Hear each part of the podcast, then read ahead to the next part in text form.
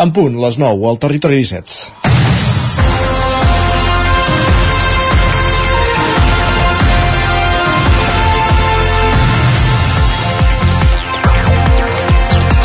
Bon dia, 18 d'octubre de 2023. Ahir, gairebé 5 mesos després de les eleccions municipals i al cap de 4 de constituir els ajuntaments, i ja s'ha executat la primera moció de censura a Osona. Joan Montserrat ha estat alcalde d'Espinelves poc més dels 100 dies de gràcia, en un municipi on s'escullen els representants en vistes obertes i on la marca blanca d'Esquerra va obtenir tres regidors, per un de Junts i un de Fantasma del PSC, a partir d'ara l'alcalde és l'únic regidor de la formació postconvergent, Toni Tanyà. Més enllà dels retrets de transfugisme cap als dos regidors d'Esquerra que han donat suport a la moció de censura per part de l'exalcalde, no el que han fet fora sinó l'anterior, Joan Manuel Claveria, el que és preocupant és que hi hagi aquest tipus de moviments amb tanta celeritat. Els uns parlen de falta de confiança i els altres de traïció, però el cas és que si una cosa no són aquests canvis són edificants. I més aviat semblen una presa de pèl a l'electorat en la mateixa línia del que explicàvem la setmana passada sobre la llista independent de Junts per Sant Feliu de Codines de l'exalcalde Pere Pladevall, ara l'oposició i en la que en tres mesos ja han renunciat tres regidors. O el cas de Vic, on el candidat del PSC ja ni tan sols va prendre possessió. El soci, com deia aquell, entengui soci, per electorat, no se'l pot enganyar. És el primer pas cap a la pèrdua de confiança amb els representants polítics.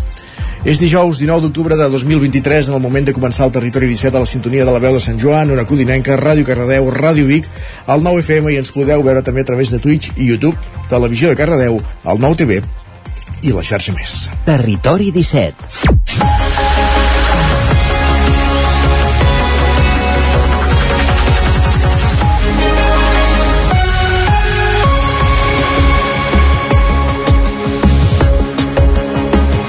Dos minuts en punt que passen de les 9 del matí aquest matí de dijous 19 d'octubre de 2023 en el moment de començar el territori 17 eh, el magazín de les comarques del Vallès Oriental, l'Osona, el Ripollès, el Moianès i el Lluçanès i que us farà companyia des d'ara i fins al punt de les 11 i alerta que avui anirem en directe cap a Jerusalem, cap a Israel. Eh, de seguida us ho expliquem perquè el que fem tot seguit és avançar-vos al menú, al sumari del programa d'avui dijous.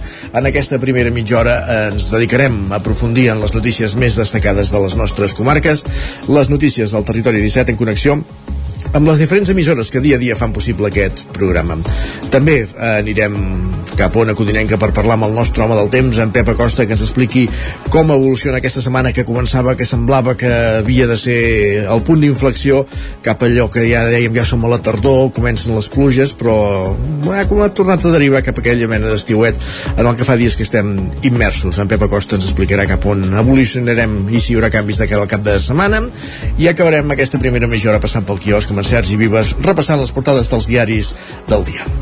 En aquest matí de dijous també pujarem al tren, a la Trenc d'Alba, com cada dia amb l'Isaac Muntades recollint les cròniques dels oferts usuaris de la línia de tren Barcelona, Granollers, Vic, Ripoll Puigcerdà, ara més oferts que mai perquè la línia està tallada, ho recordem cada dia per les obres de desdoblament entre la Garriga i Parets, doncs a la Trenc d'Alba a partir de dos quarts de deu i acte seguit a l'entrevista parlarem de la dotzena edició de la Fira de la Carbassa de Sant Joan de les Abadesses que se celebra aquest cap de setmana i ho farem amb una de les seves organitzadores, l'Anna Soler, en companyia de l'Isaac Muntades, com cada setmana. I acte seguit el que us dèiem, avui els, la connexió que fem a l'exterior la farem des dels nostres estudis, però sí que trucarem a algú que està, en aquest cas, a, a Jerusalem. Estem parlant del càmera de televisió codinenc David Casas, que acompanya el periodista de TV3 Xesco revertent les cròniques que ens ofereixen aquests dies del conflicte israelo-palestí. Eh, doncs per, conversarem de, de la situació, de com està vivint aquest eh, càmera de televisió de Sant Feliu de Codines, David Casas, avui abans d'arribar al punt de les 10 a les 10 notícies, la previsió del temps i acte seguit eh, els dijous a un quart d'onze sempre és moment de parlar de cuina i avui parlarem de creps perquè l'Enric Rubio de Ràdio Televisió Cardedeu se'ns anirà a la creperia El Malindro de Cardedeu i coneixerem doncs, les propostes que, que ens fan des d'aquest establiment. I a la recta final del programa, els dijous, toca ficció, primer Twitter, per repassar el més destacat que hem trobat a la xarxa, i després anem al cinema, avui amb en Joan Garcia i en Gerard Fosses desplaçat al Festival de Sitges per fer un repàs del que està donant de si aquesta, aquest certamen. Per tant, sense més, eh, comença el Territori 17 i tot seguit us comencem a servir aquest matí repassant les notícies més destacades de les nostres comarques. Les notícies del Territori 17 que no són altres que les notícies del Vallès Oriental, Osona, el Ripollès, el Moianès i el Lluçanès. Territori 17.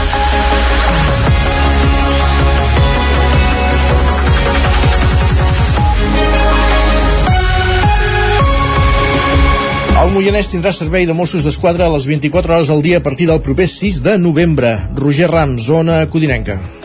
Ah, exacte, així ho ha avançat el conseller d'Interior Joan Ignasi Helena aquest dimecres al migdia la inauguració de l'ampliació de la nova comissaria de Mollà, que recordem serà compartida entre policia local i Mossos d'Esquadra. La nova comissaria comptarà amb 25 agents, són 14 més dels que hi havia fins ara. Pel que fa als efectius de la policia local, es mantindran els 4 agents que hi havia actualment. El conseller ha dit que estan avançant cap a una policia més propera a la gent. Permet donar servei, és a dir, permet fer realitat el que és l'ADN del cos de Mossos d'Esquadra, que és la proximitat. És a dir, la, el cos de Mossos d'Esquadra té una doble, una doble dimensió. Una és la presència al territori, que és molt important, perquè és el que dona la percepció de seguretat, el que garanteix la seguretat, el que garanteix la proximitat, el que garanteix el coneixement del que passa al territori. Mossos d'Esquadra és essencialment proximitat per la seva banda, l'alcalde de Mollà, Dionís Guiteres, apunta que aquest és un projecte llargament reclamat a la comarca. Des del 2012, quan Mollà estava en aquella situació de crisi econòmica tan, tan profunda i tan bèstia, eh, ja pensàvem que per mantenir el cos de la policia local, un cos que és estimat per al poble, que, que, és, que fa una feina imprescindible, um, no podríem fer-ho, no podríem continuar fer-ho si no era col·laborant, en aquest cas amb el Departament d'Interior i amb el cos de Mossos d'Esquadra, racionalitzant els recursos, tant els econòmics com els humans com els materials. Encara que passin molts anys, encara que ens hagi costat 11 anys, les coses amb perseverança, amb ganes, doncs acaben sortint. La de Mollà és una de les 10 comissaries conjuntes que ha impulsat el govern de la Generalitat durant aquesta legislatura. Les obres han costat més de 176.000 euros i la comissaria està ubicada als baixos de l'Ajuntament. Les obres s'han dedicat principalment a reformar i ampliar la zona destinada a la comissaria. En total, les noves instal·lacions policials compten amb més de 170 metres quadrats construïts.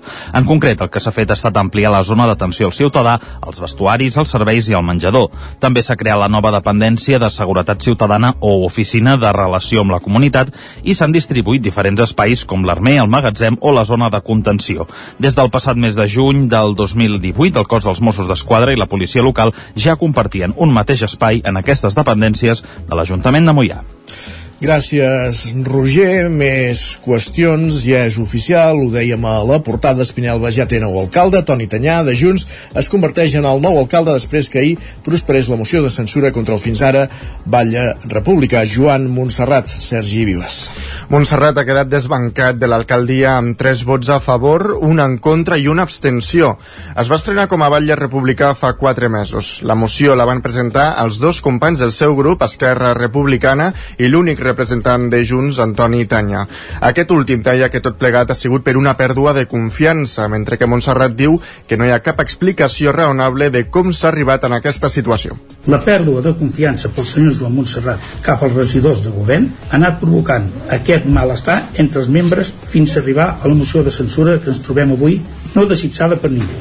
Finalment, també comunicar-vos que els regidors havíem intentat reconduir la situació en diverses ocasions. Ja us avanço que no podré donar-vos cap explicació raonable de com s'ha arribat a aquesta situació, perquè no la sé ni jo. Només dir-vos que en aquests quatre mesos he patit crits, amenaces, xantatges, enregistraments il·legals de reunions i fins i tot falses acusacions d'agressió.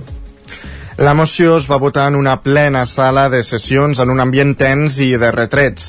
Montserrat insistia en els interessos personals que considera que hi ha darrere de tot plegat i Francesc Vingueret del PSC, que s'hi ha abstingut, també considera que el rerefons d'aquesta qüestió recau fora de l'àmbit polític. Tinc la meva preocupació que aquest nou govern pugui dirigir la gestió de l'Ajuntament basant-se en venjances personals, ja que sembla que no poden separar els seus interessos personals dels interessos generals del poble. Vaig cometre un error demanant el suport dels votants per la senyora Caterina Carol. Aquest error m'ho van assenyalar diverses persones i l'origen d'aquesta equivocació va ser la relació d'amistat d'anys que hi tenia amb ella, sense que jo sospités que ja estava preparant una moció de censura abans del mateix 17 de juny. Molt em temo que darrere d'aquesta moció hi ha altres qüestions que possiblement tenen un component de tracte personal, o podem dir d'incompatibilitat de caràcters. Crec que amb més diàleg i comunicació entre l'equip de govern no es tindria que haver arribat fins a la situació que avui debatim. Montserrat també ha anunciat que deixa l'acte de regidor i el consistori, format per cinc representants que s'escullen amb llistes obertes, quedarà amb quatre, ja que la resta de persones que es van presentar ja van renunciar. Un cop acabat el ple, també ha parlat des del públic l'exalcalde republicà Joan Manel Claveria, que ha donat suport a Montserrat i ha acusat de transfugues als altres dos regidors i els ha dit que estaran atents a la futura gestió que facin del poble. I mentre partidaris d'uns comentaven la jugada fora, a dins es feia ja sense públic el lliurament de la vara del nou alcalde del municipi. La d'aquest dimecres Espinalba s'ha convertit en la vuitena moció de censura a Osona i a Lluçanès des de la recuperació de la democràcia, Sergi.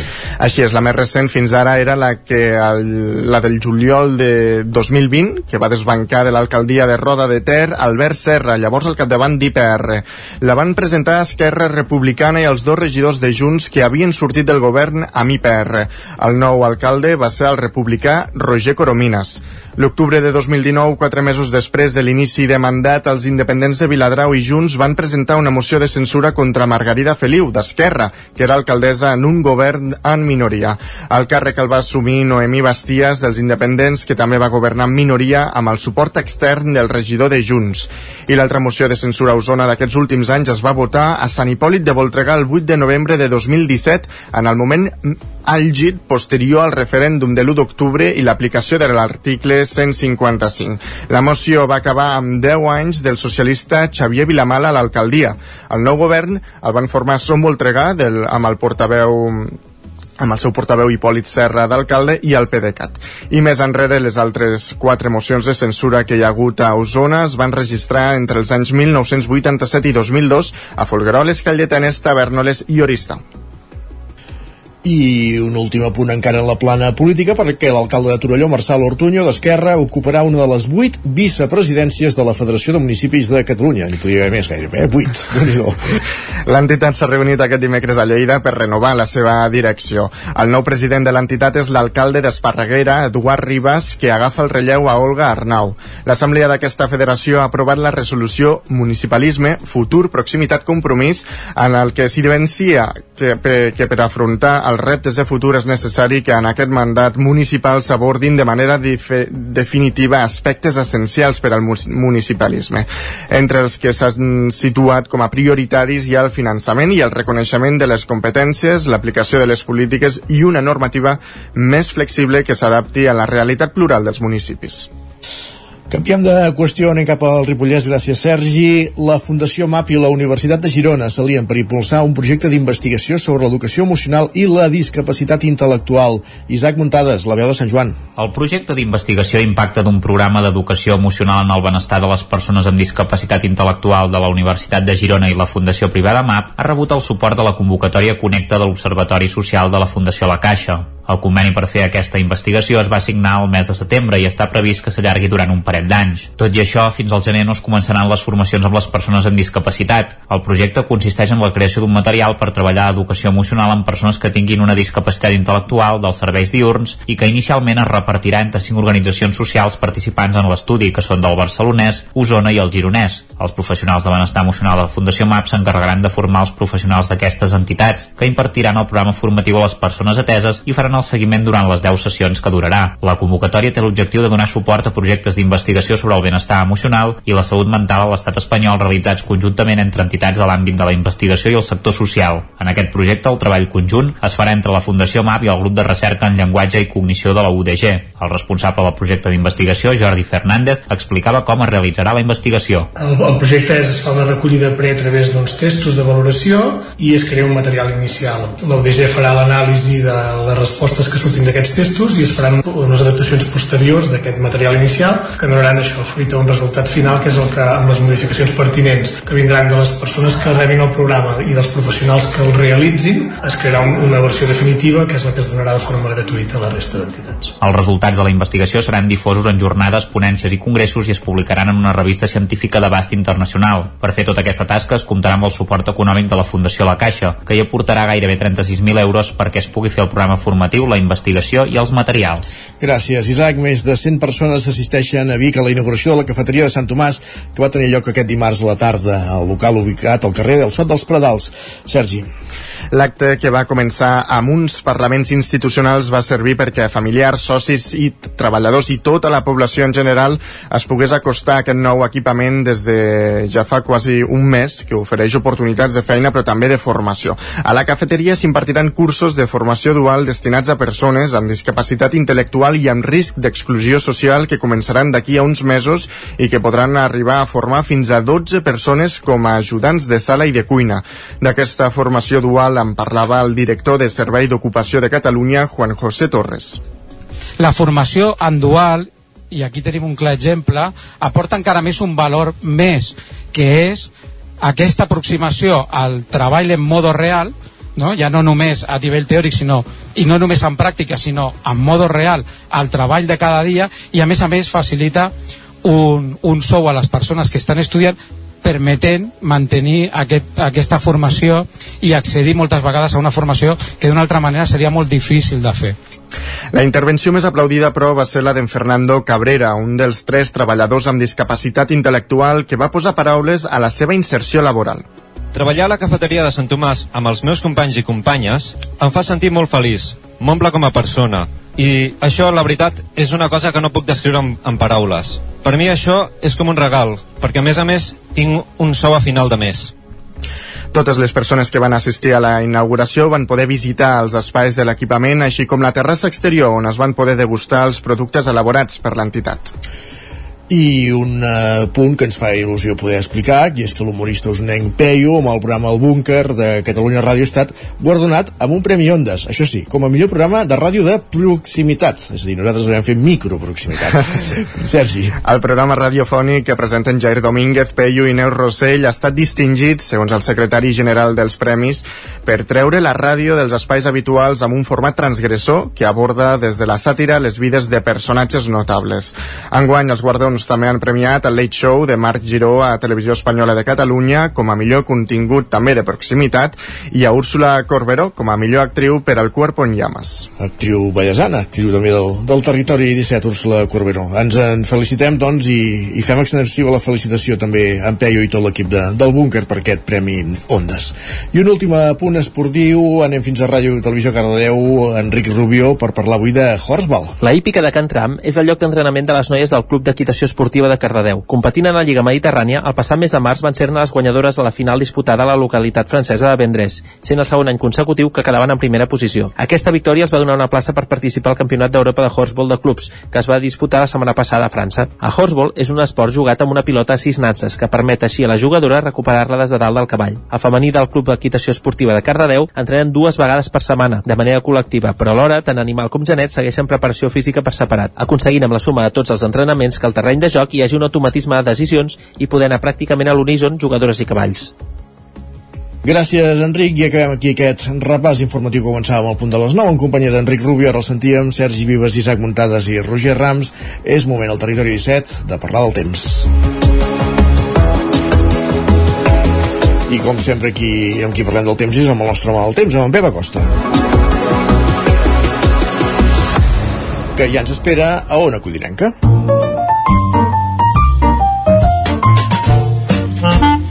Casa Terradellos us ofereix el temps. Es complicarà avui la jornada, ens ho explica tot seguit en Pep Acosta. Bon dia, benvingut de nou.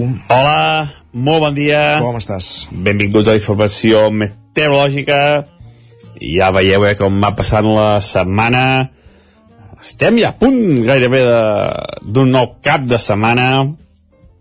Aquest ja és normal, eh? Ja no és llarg com el passat. Ja serà un cap de setmana dels més normals que tenim any rere any.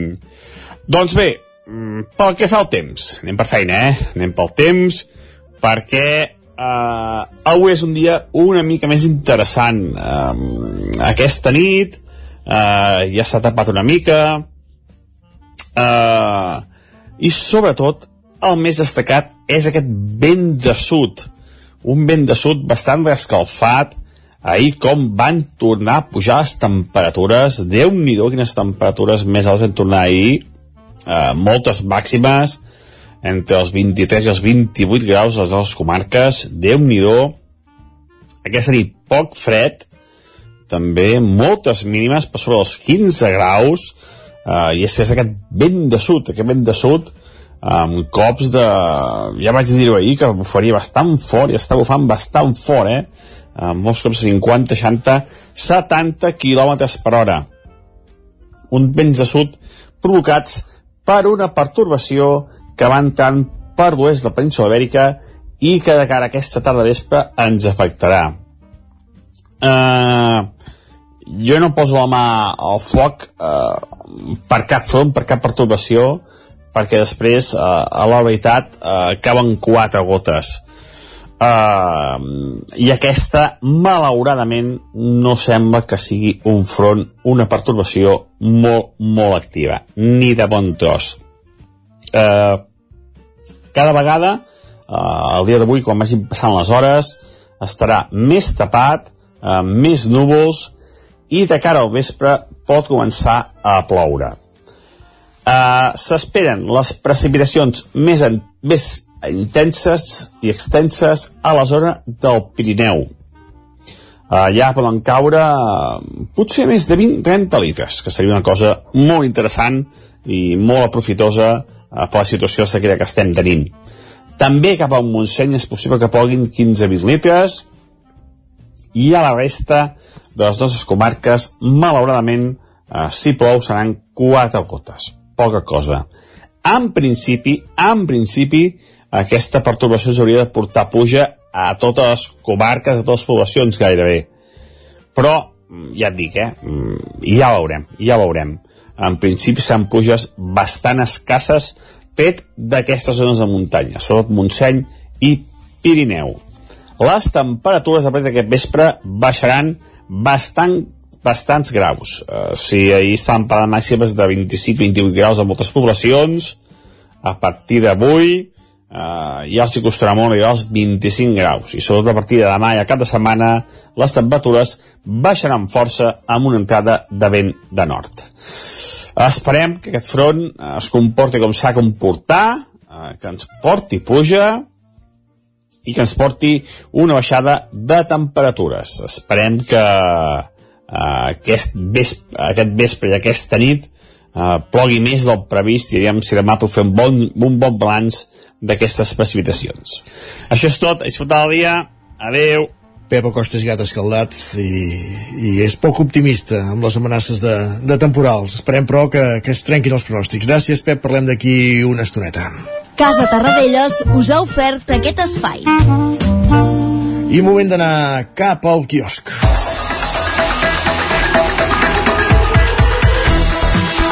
Sergi Vives, al 9FM, repassem els diaris del dia, per on comencem avui? Doncs comencem pel punt avui, que encapça la portada amb el titular Corredor Humanitari. Expliquen que Biden anuncia un acord amb Israel per fer arribar aigua i menjar a Gaza. Diuen, però, que Netanyahu eh, només accepta que el material hi arribi per Egipte. Per altra banda, diuen que Collboni ha de retirar el pressupost. Expliquen que l'equip de govern perd les quatre votacions de les ordenances i constata la seva feblesa. El periòdico destaca l'aval a Israel i auxili a Gaza. Diuen que Biden recolza recolza Netanyahu i aconsegueix que aquest permeti l'entrada d'ajuda a la franja després de la massacre de l'hospital. Per altra banda, diuen que les noves teràpies ja tracten el càncer de mama més letal. Expliquen que la immunoteràpia, la quimio selectiva i el diagnòstic precoç aconsegueixen que la mortalitat de la malaltia s'estigui reduint a un ritme de l'1,4% anual. La Vanguardia diu que Biden s'alinia amb Israel i se'n va sense resultats diplomàtics. expliquen que el president dels Estats Units valida la versió israeliana sobre la matança en un hospital de Gaza que apunta a la jihad. Tots, eh, diuen que tots dos líders anuncien entrada de medicaments i menjar a la franja des d'Egipte si no arriben a Hamas. Per altra banda, diuen que Barcelona celebra l'amistat entre Miró i Picasso. Expliquen que l'exposició de l'any a Barcelona, que aplega 250 obres de Miró i Picasso procedents d'arreu del món, va ser inaugurada ahir pel rei. Lara diu que l'atac a l'hospital encén el món islàmic. Expliquen que hi ha hagut manifestacions massives contra Israel a l'Iran, Turquia, Egipte, l'Iraq, el Líban, Tunísia, el Marroc i Jordània.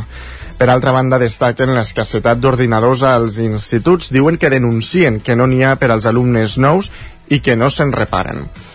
Anem ara a repassar portades espanyoles. El país diu que Biden avala la versió israeliana sobre la matança de l'hospital. Expliquen que el president dels Estats Units diu que l'atac sembla que va venir de l'altre equip. També diuen que s'extén una onada de protestes per país, de, pels països islàmics després de la massacre. Per altra banda, diuen que Vox proposa negar l'entrada o la residència de migrants de països islàmics. Expliquen que al Congrés debatrà si tramita o no aquesta iniciativa. L'ABC diu que Interior reforça la seguretat en 10 ambaixades. Expliquen que augmenta el control en les d'Israel, Palestina, Jordània, Turquia, Líban, Estats Units, Regne Unit, Dinamarca, França i Suècia i demana que els agents extremin la seva pròpia protecció. També diuen que Belarra no fa cas a Sánchez i exigeix trencar relacions amb Tel Aviv, mentre que l'ambaixadora israeliana demana al govern que, que faci tot el possible perquè no hi hagi més expressions d'odi. El Mundo diu que Biden recolza Israel però demana que eviti la ràbia dels Estats Units després de l'11S. Expliquen que els líders palestí, egipci i jordàs neguen a reunir-se amb ell mentre s'intensifiquen les protestes populars. I acabem amb la Razón que diu que Moncloa confia en un acord in extremis amb Puigdemont. Expliquen que les seves enquestes són més pessimistes que les del CIS i les utilitzen per pressionar els seus socis. Diuen que Tezanos dona un 32,6% al PSOE, quatre dècimes per damunt del PP.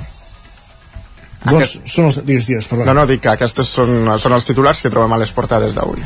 I, les, I ara fem un cop d'ull també als digitals, l'edició d'Osona i el Ripollès del 99.cat. Doncs ens diuen que eh, la d'Espinalbes doncs, és la vuitena moció de censura a Osona i el Lluçanès, com us explicàvem fa un moment. I a l'edició del Vallès Oriental. Doncs ens diuen que el Vallès Oriental és la comarca metropolitana on creix més la construcció aquest 2023. Doncs veurem com evolucionen també aquestes dades. Gràcies, Sergi. A tu. Nosaltres el que fem tot seguit és una petita pausa aquí al territori 17 i tornem de seguida pujant al tren i amb l'entrevista parlant de la fi de la carbassa de Sant Joan de les Abadesses.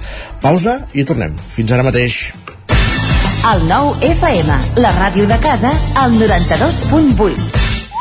Per moure't, lloga un cotxe ALR. Per moure la família, lloga un minibús ALR. Per moure coses, lloga una furgoneta ALR. Per moure la casa, lloga un camió ALR. Lloguer de cotxes, furgonetes i camions ALR. Ens trobaràs al carrer Francesc Sant Climent 83 de Vic i també a Olot i Manresa. Informa't en el 93 888 60 57 o bé consulta el web alr.cat. Amb Pradell estalvio energia i cuido la meva butxaca i el medi ambient. Posa't en mans a Pradell, són experts en calderes de gas i condensació, estufes de pèl·let, energia solar, terres radiants i geotèrmia. Pradell instal·la calderes de biomassa per a particulars i per a empreses. Si vols estalviar un 50% en consum, contacta amb Pradell i passa't a les energies renovables. Pradell som a l'Avinguda Països Catalans 27 de Vic. Telèfon 93 885 1197. Pradell.cat. Ets conscient de l'aigua que consumeixes cada dia? De vegades ens oblidem que una acció tan senzilla com obrir l'aixeta té el seu impacte en el medi ambient. T'has plantejat mai quants litres d'aigua gastem cada dia? Prens mesures per estalviar aigua a casa? Trobaràs més informació pràctica amb motiu de l'alerta de sequera. Consulta-la a aigüesvic.com barra estalvi. Aigües Vic. Amb tu, clars com l'aigua. Quan tingui un problema amb la seva caldera, vagi directament a la solució. Truqui sempre al servei tècnic oficial de Saunier Duval i despreocupis, perquè som fabricants i coneixem les nostres calderes peça a peça. I ara aconseguiu fins a 300 euros en canviar la caldera. Informeu-vos al 910 77 10 50 o a saunierduval.es. La qualitat de les teves impressions és important per tu? Estàs cansat que els colors i les imatges no surtin com t'esperes? A Impremta Mater disposem de la tecnologia més avançada i els millors professionals per aconseguir impressions d'alta qualitat. Fem tota classe d'impresos amb acabats professionals. Llibres, catàlegs, revistes, tesis, calendaris, enquadernacions... I a més, disposem del servei d'impressió digital en gran format. Roll-ups, lones, pòsters i molt més. Impremta Mater. Ens trobaràs a la carretera de Sant Hipòlit 23 de Vic o impremtamater.com. T'imagines un programa de política, d'economia, feina... Doncs ja te'n pots oblidar. Quin tinglado! Un programa d'entreteniment, actualitat, cultura i molt rigorós. Amb Bada Serrat, Miquel Giol i Eudal Puig. Un programa que no passarà a la història i que tampoc guanyarà cap ondes. No ens flipem. Escolta'l cada dijous en directe de 8 a 9 del vespre al 9 FM. Ai, ai, ai, quin tinglado! El 9 FM, el 9 FM, el 9 FM, el 9 FM, el 9 FM. Territori 17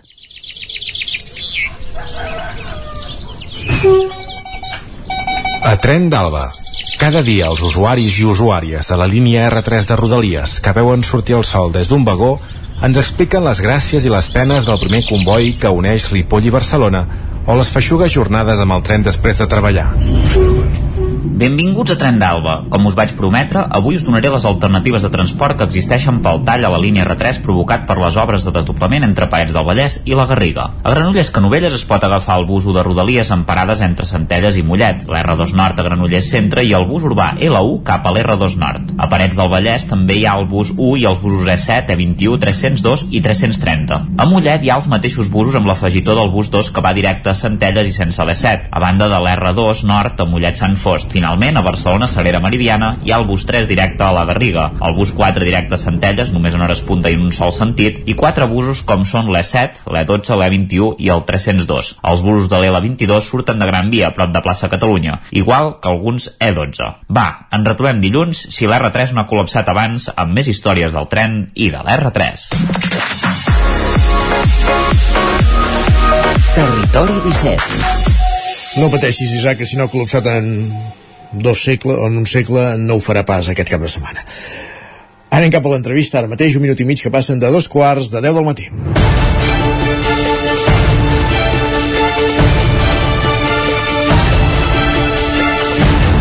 De fet, no marxem gaire lluny perquè ens quedem a la veu de Sant Joan, a Sant Joan de les Abadesses, per parlar d'una nova edició de la Fira de la Carbassa que se celebra aquest cap de setmana i l'Isaac Muntades el que ha fet és conversar amb una de les seves organitzadores, l'Anna Soler. Isaac, benvingut de nou. Aquest diumenge se celebrarà la dotzena edició de la Fira de la Carbassa a Sant Joan de les Abadeses, que és una fira que l'organitza l'Associació de Carbassaires de Sant Joan, amb la col·laboració de l'Ajuntament, la Unió de Botiguers i la Diputació de Girona, i se celebrarà a la plaça Ansel Clavé de les 11 al matí a les 6 de la tarda. I per parlar de la Fira de la Carbassa, avui ens acompanya una de les organitzadores del certamen, l'Anna Soler, que ens en donarà tots els detalls. Bon dia, Anna, i moltes gràcies per ser al Territori 17 amb nosaltres. Hola, bon dia. Moltes gràcies a vosaltres. Ah, aquesta fira és un dels principals esdeveniments de, de la tardor a la comarca del Ripollès, aplega moltes persones atretes per aquest fruit. Sabem que l'al·licient principal de la fira, evidentment, doncs, és veure tots els exemplars gegants de carbassa que presenten els agricultors, aquest any, evidentment, tindrem exemplars gegant, no sé de quants quilos estan previstos, tenint en compte que aquest any hi ha hagut sequera i potser ha sigut més difícil, no? Sí, la veritat és que aquest any nosaltres que ja hem començat a voltar per alguna de les fires de la Carbassa, eh, sí que hem vist exemplars grans, però res a veure el que s'ha pogut veure altres anys. Tot i així, aquí a Sant Joan sí que tindrem alguna de les carbasses grans. Eh, l'organització eh, sí que sap quines carbasses en principi ens vindran i de quins cultivadors, eh, però de moment ho sap l'organització. Eh, jo animo a tota la gent que vulgui veure aquestes carbasses doncs que s'apropi el diumenge a la plaça i les pugui veure. Dic que no diré el pes eh, ni els cultivadors perquè també es depèn una mica del temps, eh? Esperem que aquestes carbasses ens aguantin per aquest diumenge, que esperem que sí que les puguem veure, uh, i la gent que vulgui veure-les doncs d'apropar per saber de quines dimensions estem parlant. no, no revelarem gaire uh, és veritat que hi ha hagut anys que hi ha hagut carbasses de 800 quilos uh, uh, ho veurem, eh? perquè en principi vosaltres sabeu això, també és veritat que pot ser em deies abans, eh? fora del micro una cosa que sí que podem dir, que és que evidentment aquests cultivadors han passat per diverses fires abans però pot ser que a última hora, per exemple, no poguessin venir perquè els hi ha passat alguna cosa amb la carbassa, que, que s'ha podrit, no? Vull dir, vosaltres també baralleu aquestes possibilitats, Sí, no? sí, clar, també hi ha aquesta possibilitat, eh? Nosaltres vam estar a una fira de la carbassa fa un parell de setmanes a Sant Llorenç de Morunys. Uh, cultivadors que vam trobar allà uh, són cultivadors que ja acostumen a venir aquí a Sant Joan de les Abadeses a la nostra fira i que per tant ens van dir que ens portarien la carbassa, però estàvem a dues setmanes de la nostra fira, amb la qual cosa uh, és un fruit que no sabem si encara estarà sa o no, esperem que sí, que per tant les puguem veure totes aquí al poble. Aprofito això que dius, eh? No direm els d'aquest- de la Fira de Sant Joan, però en aquestes quins pesos ens movíem? Bueno, ens movíem entre uns mm, 450, 500 i, i escaig. Molt bé, no direm res més. Aquí, aquí acabem i si voleu saber els peus de les carbasses ja sabeu, eh? Heu de venir aquest diumenge a Sant Joan de les Abadeses. Uh, se sap en quan està el, el rècord del món? Uh, doncs el rècord del món d'aquest any uh, està ni més ni menys que en, perdoneu, eh, en 1.246 quilos és una carbassa que s'ha conreat als Estats Units i sembla ser que aquest any ha desbancat els italians Mhm, que tenien una carbassa que era una mica més que deurien petita. tenir una carbassa, no, no sé el pes però bé, deurien tenir algun quilo de menys, Mhm. se suposa Aquí a Sant Joan, en quins pesos ens hem mogut? Quin és el rècord del, dels que ha vingut aquí? El, aquí a Sant Joan, eh, així fent una mica de, de, de recordatori, eh, vam trobar que el 2017 eh, va venir una carbassa de Valtierra que ens va fer 805 quilos. Jo crec que de tots els anys que fa que fem la fira ha estat la carbassa més gran que ha passat pel, pel poble de fora, eh? eh i d'aquí del Ripollès el rècord va estar amb 339 quilos Uh, és una diferència important, eh? vull dir que els venen cultivadors uh, Sí, sí. mo molt bons, però aquí la comarca déu nhi eh? El, també. Bueno, no està malament, eh? Perquè aquí al Ripollès conrear una carbassa de 339 quilos són molts quilos de carbassa. Ah, Aquest uh, rècord el va fer en Rubén Mendy, eh? El Si Rubén no... Mendy, Sí. correcte. No, Sí. no sé si ens en pots dir alguna cosa tu que el, que el deus conèixer. Uh, Bueno, eh, el Rubén cada any cultiva, crec que aquest any eh, també n'ha fet una, però malauradament se li, ha, se li ha fet malbé la carbassa, però sí que la va poder presentar a la seva fira, que la fan eh, sobre l'11 de setembre, i bueno, són gent que, que hi deuen dedicar moltíssimes hores, molt temps i, i no sé què més per, per arribar a fer aquestes carbasses tan grans. uh, quins premis uh, es donaran aquí a Sant Joan i de quin import seran? Perquè Doncs- se'n se'n donen diversos, eh? Sí, se'n donen diversos. Hi haurà tres premis eh, per les carbasses que ens vinguin de fora. Hi haurà un primer premi a la carbassa més gran de 400 euros, un segon premi de 300 i un tercer premi de 200. Uh, llavors també hi ha un premi comarcal doncs, per animar tots els cultivadors de la comarca que ens portin carbasses, valorat amb 100 euros també fem un premi local uh, de 200 euros i finalment uh, fem un premi a la carbassa més original eh? uh, per mida, per color, per forma sempre hi ha aquest premi de 100 euros a la més original Per curiositat, amb això de la carbassa més original, què us heu trobat en aquests anys? Que, que, quines carbasses els hi heu donat, aquests premis? Bueno, tot depèn també una mica del, del jurat que hi ha cada any que ens les tria, a vegades eh, per colors o per formes o... Bueno, no sabria dir-te massa ben bé quin criteri segueixen. Molt bé. Uh, ab- abans em deies, eh, el tema de, de cultivar carbassa gegant és complicat. Què, què s'ha de fer per cultivar una, una carbassa gegant? Bé, jo no, jo no és que en sàpiga massa, només et podré explicar lo, poc que he, lo poc que he sentit. Jo sé que quan comencen primer partir d'una genètica de llavor bona, eh? d'aquestes carbasses grans que entre ells ja les subasten i ja se les reparteixen i tal, això per començar uh, llavors sé que abans de, de fer qualsevol plantada a la terra ells fan com una analítica de la terra per saber si aquesta terra té tots els nutrients necessaris i té tot el que deu haver de tenir la terra doncs, per començar a, a, a conrear la carbassa Uh, bueno, llavors no sé, perquè aquesta gent deu ser gent que s'hi dedica moltíssimes hores al dia a dia um, quan comença la carbassa a estar una mica més gran sé que les tapen molt perquè aquest sol no, no els hi toqui per tant no creixi de cop i vagi madurant mica en mica i per tant vagi creixent. I sé que aquestes carbasses necessiten molta aigua. No sé aquest any com s'ho han fet perquè aquest any l'aigua ha estat el més escaig que hi ha hagut. Per tant no sé com, com s'ho han arribat a fer Mhm. En tot cas, els hi haurem de demanar el diumenge quan vinguin. Els, els hi demanarem eh, això, en tot cas, un any de molt de sol, un en any de tot poca cas- aigua, vull dir que realment no, no són les a veure, condicions. a veure com, a veure com s'ho han fet. Sí, tot i així veurem carbasses grosses, eh? us, ho podem, us ho podem garantir Sí, i, sí, això sí. i val molt la pena. No, no sé també si vindran parades, quantes n'hi haurà i de, de què seran, perquè cada any en venen, eh? Sí, de parades en tenim, més o menys tenim apuntades. N'hi ha alguna de nova, eh, però més o menys estem al voltant d'unes 23, mm, 24 parades, eh, i òbviament són totes relacionades amb, amb carbasses, eh? eh? La gent podrà trobar des de carbasses de menjar, eh, carbasses de decoració, directes de la terra, però també hi haurà carbassetes de decoració fetes amb roba, uh, hi haurà paradetes de menjar tots relacionats amb la carbassa, o sigui, tot, tot relacionat amb la carbassa. Mhm. A- Aprofitant això, eh, ara m'ha vi- m'ha vingut al, al cap, eh, que una, una cosa bastant interessant, aquí a, a Catalunya celebrem la castanyada, però, però també ens queda Halloween a, a la volta de la cantonada, que també és una celebració en què la carbassa és molt protagonista, no sé si hi ha parades de- d'aquest tipus, o les carbasses evidentment gegants no són les més ideals, eh, No, per no fer... són les més ideals, sí que hi ha alguna parada que cada any ens porta les típiques carbassetes de Halloween que després els nens els, les buiden i fan les cares per ficar les espelmes, d'aquestes carbassetes també se'n trobaran el diumenge.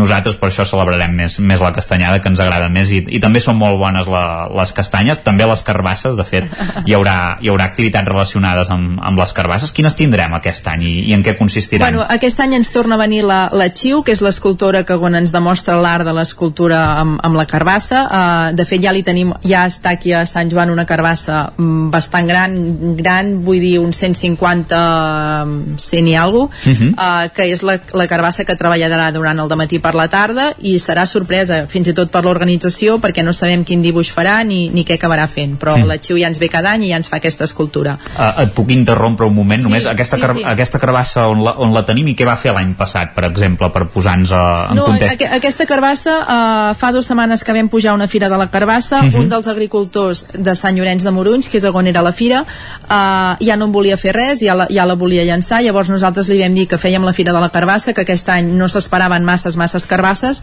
i que a veure si ens la donava doncs perquè si més no perquè la Xiu ens pogués fer l'escultura i llavors l'home, el senyor ens la va donar i la tenim, la tenim guardada aquí a Sant Joan per al diumenge.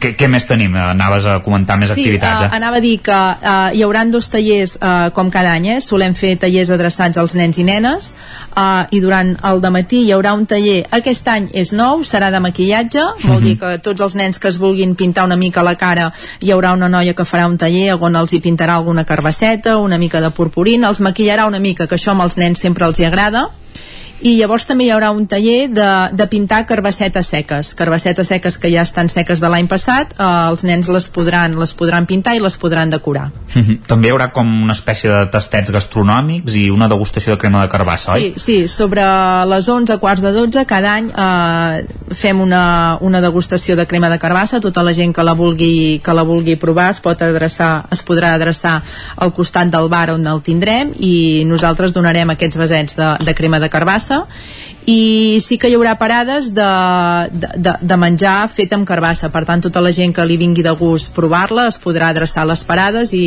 i ho podrà degustar Mhm. a, a banda, ja per anar acabant, Anna, també hi ha un concurs de, de fotografia, eh? En, en què consistirà?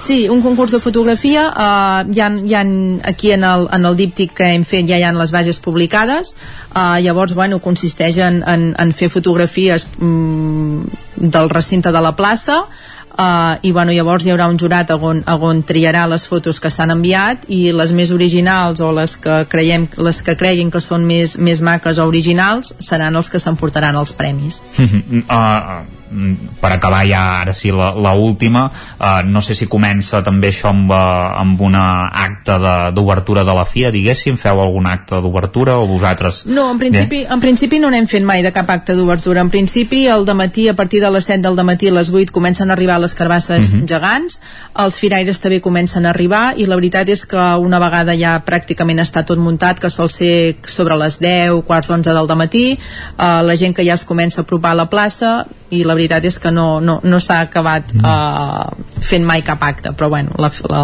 el dia en si ja, ja ho és. És una jornada molt interessant aquí a Sant Joan de les Abadeses, que a més a més també tindrem els dos dies trial de Santigosa també. clàssic, vull dir que serà uh, una jornada completíssima i per tant doncs hi haurà molta gent segur a, a Sant Joan. Uh, moltes gràcies a Anna Soler, una de les organitzadores de, del certamen de la Fira de la Carbassa de, de Sant Joan, que enguany arriba a la seva dotzena edició i que com hem dit al principi doncs, està organitzada per l'Associació de Carbassai, eh, Carbassaires de Sant Joan també amb la col·laboració de l'Ajuntament, la Unió de Botiguers i la Diputació de Girona. Moltes gràcies Anna per ser al Territori 17 amb nosaltres. Moltes gràcies a vosaltres. Gràcies Isaac Matimés també per aquesta entrevista. Ja coneixem més detalls d'aquesta Fira de la Carbassa que se celebra aquest cap de setmana diumenge, en concret a Sant Joan de les Abadesses.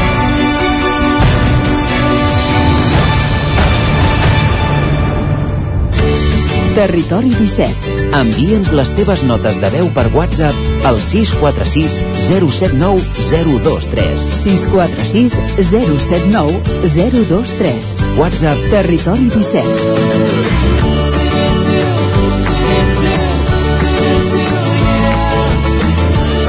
Territori 17. Som a Facebook, Twitter i Instagram amb l'usuari Territori 17.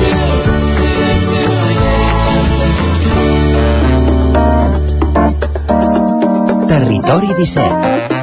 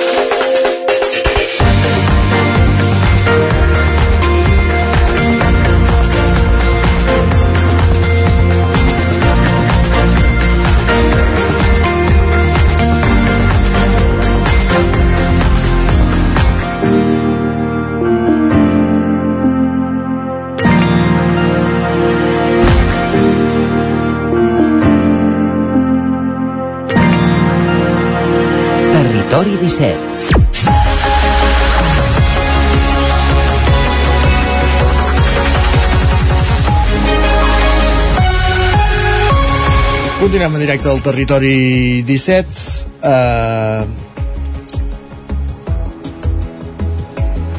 Continuem, com dèiem, directe al territori 17, pendents d'aquesta comunicació que us hem anunciat a l'inici del programa eh, amb Jerusalem, on tenim desplaçat un codinenc, que aquest sí s'està treballant eh, arran del conflicte entre Israel i Palestina, i que és l'entrevista que tot seguit tenim previst per oferir-vos aquí en aquest matí al territori 17. Eh, intentem establir aquesta comunicació i de seguida eh, avancem amb, amb el programa d'avui en aquest matí de dijous, dia 19 d'octubre de 2023.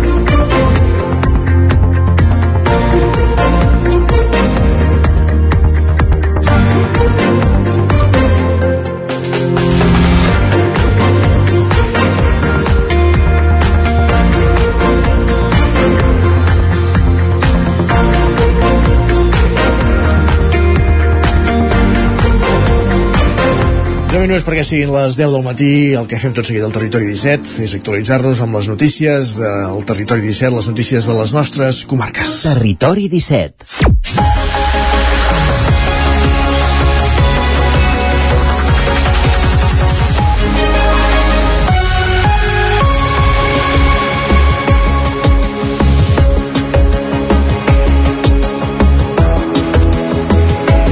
Per explicar-vos a aquesta hora que la calderina, la diputada de la, CUP, Mara Empordanès, presidirà la comissió que ha d'investigar els casos d'infiltració de policies en entorns independentistes. Roger Rams, una codinenca. Exacte, Mara Empordanès, diputada de la CUP al Parlament de Catalunya, serà la presidenta de la comissió d'investigació que el Parlament posarà en marxa per investigar les infiltracions de membres de la policia espanyola dins el moviment independentista. Aquesta comissió creada a petició de Junts per Catalunya, Esquerra Republicana, la CUP i en Comú Podem vol esclarir els diversos casos que han aflorat en els darrers mesos d'agents que s'han integrat a moviments socials, polítics i populars vinculats a l'independentisme català amb l'objectiu d'espiar-los durant els anys de procés. El darrer dels casos el va destapar el mitjà digital La Directa el passat mes de juliol i va tenir lloc a Sal, al Gironès. Es tracta d'un agent que entre els anys 2020 i 2023 va integrar-se activament en diverses entitats sobiranistes la mesa per la investigació de tots els casos d'espionatge policial a l'independentisme, com dèiem, serà presidida per Empordanès de la CUP, mentre que la vicepresidència serà per Junts per Catalunya i la secretaria per Esquerra Republicana.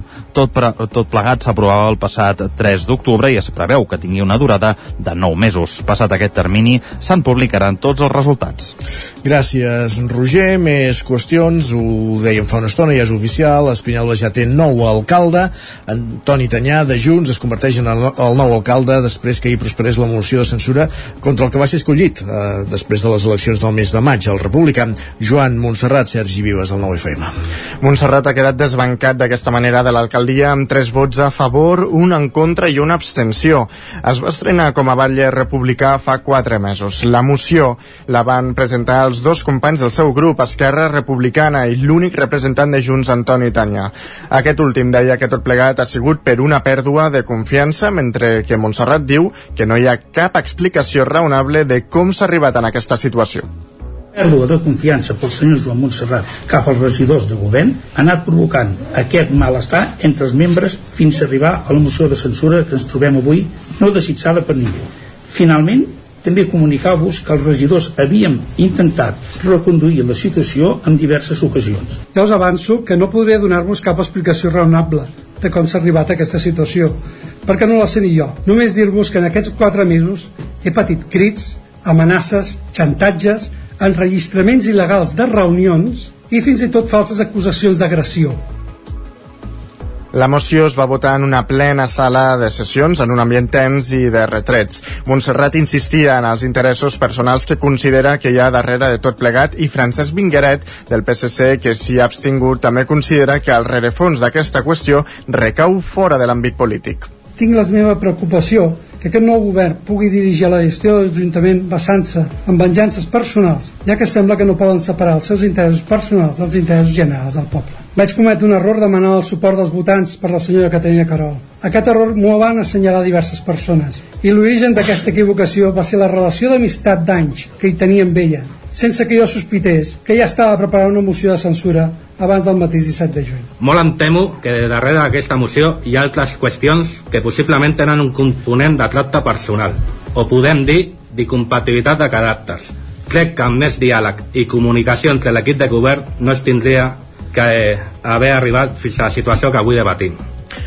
Montserrat també ha anunciat que deixa l'acte de regidor i el consistori format per cinc representants que s'escullen amb llistes obertes quedarà amb quatre, ja que la resta de persones que es van presentar ja van renunciar.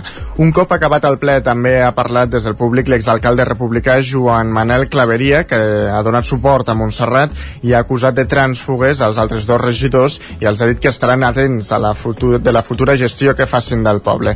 I mentre partidaris d'uns comentaven la jugada fora, a dins es feia ja sense públic el lliurament de la vara del nou alcalde del municipi. Més qüestions, encara a Osona, el carrer Soledat de Vic està tallat com a mínim dues setmanes per les obres d'apuntalament de l'antiga duberia ubicada a la Cruïlla amb el carrer Sant Francesc, amb la calla, Sergi. Així és, aquest informe ja va ser notícia fa poc d'un mes, a principis de setembre, quan va esfondrar-se una part de la taulada. En, aquest, en aquell moment, el consistori Bigatà va enviar un requeriment a la propietat a qui va instar a fer una revisió tècnica a nivell estructural. A partir d'aquest informe, i tenint en compte que es tracta d'un edifici edifici catalogat com a bé d'interès local, els propietaris van decidir intervenir-hi per apuntalar-lo i buidar les restres de runes que hi ha a la part central perquè deixi d'empènyer. Segons Esther Coma, regidora d'Urbanisme de l'Ajuntament de Vic, aquesta intervenció el que vol, bàsicament, és garantir la seguretat. Nosaltres el que hem de fer és garantir la seguretat dels ciutadans, o sigui, hem durant les obres hem tallat el, el pas del trànsit perquè puguin treballar bé els operaris i sí que els dies previs i els dies posteriors quedarà delimitat les valles que hi havia, doncs la zona de pas propera a l'edifici per garantir que els vianants no, no hi hagin cap mena de desprendiment. Com assegura que arreglar l'edifici suposaria una inversió molt important. Així doncs, diu que l'Ajuntament ajudarà els propietaris a aconseguir vies d'inversió i subvencions. Més qüestions, ara que estem en èpoques d'increment de, de la temperatura mitjana i que fins i tot hem passat algun estiu, aquest no, però l'anterior mes, amb una crisi de glaçons, perquè també hi havia el, el problema afegit dels costos energètics, els usonencs Joaquim Serrat i Albert Capdevila han presentat un nou model de glaçó amb el nom de Precubic que vol resoldre mancances del mercat del gel actual com la sostenibilitat o el preu i també afegir-hi més garanties d'higiene. Explica en Sergi com funciona tot plegat. Mira, doncs els tenen registrats des de principis del 2019, tot i que de moment no han trobat cap empresa que inverteixi econòmicament per fer realitat al projecte. La proposta de Serrat i Capdevila consisteix en una safata que s'omple d'aigua, que es pot congelar a posteriori i que està segellada amb glaçó per glaçó, de manera que aquests es poden consumir individualment. Així ho explica Joaquim Serrat. És una idea molt simple, simple perquè no, no deixa de ser la glaçonera que tenim a casa, però nosaltres el que fem és portar-te aquesta glaçonera plena d'aigua, precintada i d'aquesta manera doncs tu ja eh, només has de fer que posar al congelador i l'endemà ja tens els glaçons fets com que no s'han de congelar d'entrada, facilitaria la producció i el transport de les safates, que no s'hauria de fer en fred. També defensen que la millora de, de l'emmagatzematge perquè es poden evitar les cambres frigorífiques. Ho explica Albert Capdevila. La comunitat que representa tant pels bars en qüestió d'evitar de, tants pedidos amb les cases poder anar a comprar el súper tranquil·lament sense congelar i congelar només a casa les que la bandeja una per una les vas necessitant que ja és un avantatge important que es pot sortir al mateix preu. Vull dir que no dius, hosti, si és molta qualitat això doncs que val... no, pot fer-se més o menys com una típica bossa de gel al preu. En aquest sentit, Capdevila i Serrat calculen que Precubic suposaria un estalvi energètic del 85% tenint en compte la despesa d'electricitat que generen els magatzems de refrigeració per mantenir l'aigua congelada. Més qüestions, l'estudi Xavi Dom de Call d'Atenes, pilotat per Xavi Domínguez, ha il·lustrat un nou llibre D'on és l'Estela, una col·lecció que vol retre homenatge a la mítica saga D'on és Wally, però amb un personatge més nostrat. Ovacionant la mítica sèrie de llibres eh, que el britànic Martin Hanford va escriure a finals dels 80 sota el títol On és Wally, l'any 2017 el dibuixant Toni Galmés va idear una versió a la catalana amb l'Estela i el procés independentista com a protagonista. Després del segon llibre i sonades polèmiques, Calders, el dibuixant va renunciar al projecte que va anar a parar a mans de l'estudi Xevidom de Caldetenes a través de l'editorial Coma Negra. El pilota Xavier Domínguez, que al passat mes de setembre va presentar una edició d'On és l'Estela centrada en el món casteller. A cadascuna hi ha infiltrat eh, de, infinitat de personatges i escenes plenes de gags. La gràcia, tal com passava amb Wally, és trobar l'Estela. Domínguez explica com és el procés de creació de cada làmina. De fet, amagar els personatges i, i els detalls que, que comentes és el més fàcil, no? perquè primer has de construir l'escenari, l'estructura, eh, buscar una mica de història o de, de cohesió interna en el dibuix i quan ho tens tot més o menys construït doncs ja pots començar a amagar i, i, i ja està, i anar construint, anar fent els detalls però bé, en el fons és molt divertit hi ha molta feina però t'ho passes bé eh? En aquesta edició, la protagonista, l'Estela, apareix com una castellera, una història que ha anat supervisant la coordinadora de colles castelleres de Catalunya. Domínguez s'ha acompanyat també de Montse Batalla en el paper de colorista i coguionista. Doncs bé, en Xavi ja ha fet el dibuix i jo vaig a darrere fent, fent els colors. La veritat és que també és un procés bastant entretingut, perquè hi ha molts detalls i és a mirar de, clar, que no surtin el color de la ratlla, bueno, és de, de controlar una mica, però molt bé. Aquest és el segon llibre de la col·lecció que signa l'estudi Chevidom. Per Sant Jordi de l'any passat ja va signar el tercer volum dedicat a la història de Catalunya més qüestions, obrim encara la plana cultural, parlem de llibre de la perplexitat de Jordi Graupera que s'ha presentat a Cardedeu, Enric Rubio, Ràdio Televisió Cardedeu. La setmana passada al Teatre Auditori de Cardedeu s'hi va presentar a l'Aula de Cultura el llibre La perplexitat, amb Jordi Graupera.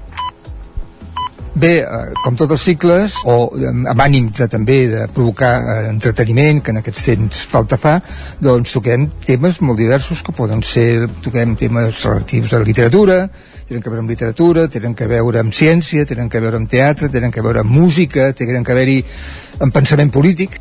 Ha estat el 29è cicle i el primer d'aquesta temporada. En total n'hi hauran dos. El primer es farà a primavera i el segon a la tardor. La perplexitat barreja diferents gèneres com són l'assaig i la història, narrant-hi les seves memòries de quan va viure a Nova York. El llibre és una barreja de gèneres, és una crònica de 10 anys a Nova York, és una, un seguit d'assajos sobre qüestions socials, polítiques, culturals que tenen a veure amb els Estats Units i amb nosaltres, i d'assajos històrics sobre episodis molt concrets i petits de la història dels Estats Units que em sembla que il·luminen les diverses experiències que apareixen a les cròniques. Amb això el TAC segueix l'inici d'una temporada variada com poques i continua treballant la diversitat a la que té acostumades les cardedeuenques.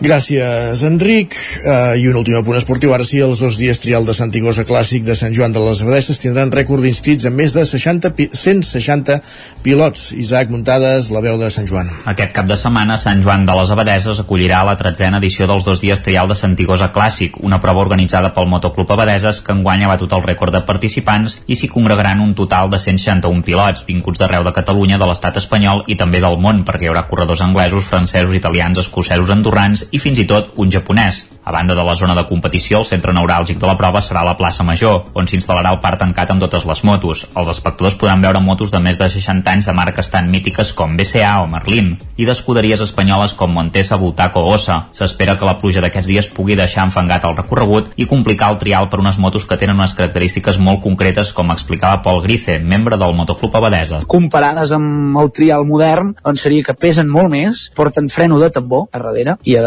porten doble amortiguador a darrere, per tant fa que la moto no sigui tan àgil, sigui molt més pesada i només amb la categoria expert puguem veure moltes cabrioles que les fan votar que semblen modernes. Són motos que requereixen molt de temps de preparació i diners i que a vegades costa trobar peces per fer-les funcionar. Els pilots faran 20 zones dissabte i 20 diumenge totalment diferents per un circuit de 20 quilòmetres començant per la zona de Sant Antoni. El primer pilot sortirà a les 9 del matí. Tots els participants tenen 6 hores per completar la prova cada dia. Hi ha un total de 6 categories, pre-65, pre-72, pre-80, clàssics, trialers i experts. També s'han establert tres colors per marcar les dificultats en les categories. El groc és una dificultat molt baixa, el verd és baixa i el blau és mitjana. Deixant la prova de banda, Grice va explicar que la zona delimitada per fer trial està encallada al Departament d'Acció Climàtica i no va ser gaire optimista. Hem utilitzat un projecte fet per empreses que ens han recomanat ells de 300 pàgines, on el qual només utilitzem un 2% de tots aquests recs que podríem utilitzar i que tenim aquí al costat, un 2%, en els quals s'ha demostrat que l'afectació màxima per on passem les motos o no passem les motos, que s'han fet estudis pretrial i posttrial, l'afectació només va d'entre el 0,75% i un 4%. Hem invertit més de 50.000 euros i l'administració, malgrat tot això que t'acabo d'explicar, no ens tenen en consideració. Per tant, no tenim zona de trial habilitada encara, ni circuit, i la continuïtat dels tres dies trial Santigosa es pot veure molt afectada o totalment suspesa de cara a l'any que ve. Grice sí que va agrair l'ajuda de l'Ajuntament i va lamentar que perdre el trial seria un greuge per la comarca a tots els nivells. Passen gairebé 4 minuts del punt de les 10, la previsió del temps tot seguit amb Pep Acosta.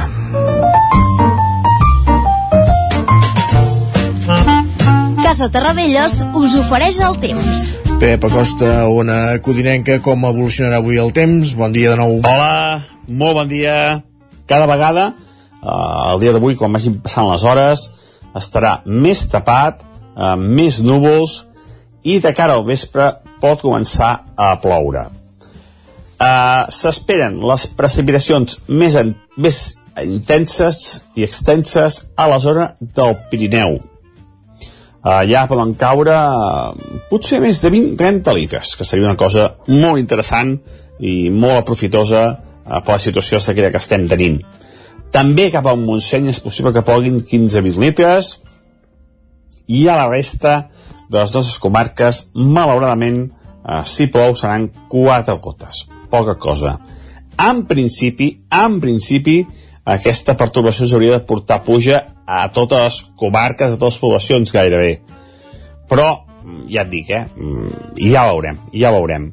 En principi seran pluges bastant escasses fet d'aquestes zones de muntanya, sobretot Montseny i Pirineu.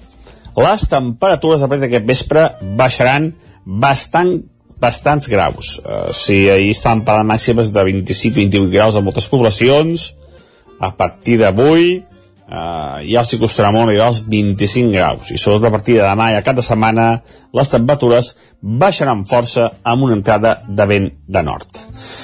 Esperem que aquest front es comporti com s'ha de comportar, eh, que ens porti puja i que ens porti una baixada de temperatures. Esperem que eh, aquest, vespre, aquest vespre i aquesta nit eh, plogui més del previst i aviam si demà puc fer un bon, un bon balanç d'aquestes precipitacions.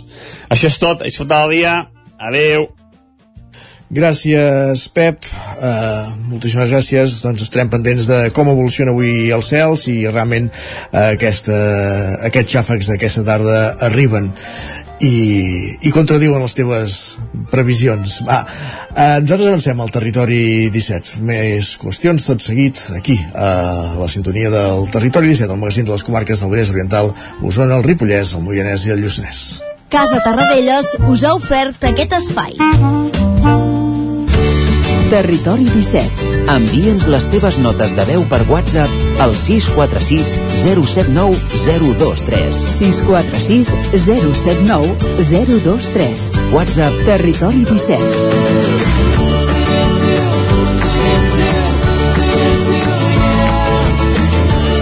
Territori 17. Som a Facebook, Twitter i Instagram amb l'usuari Territori 17.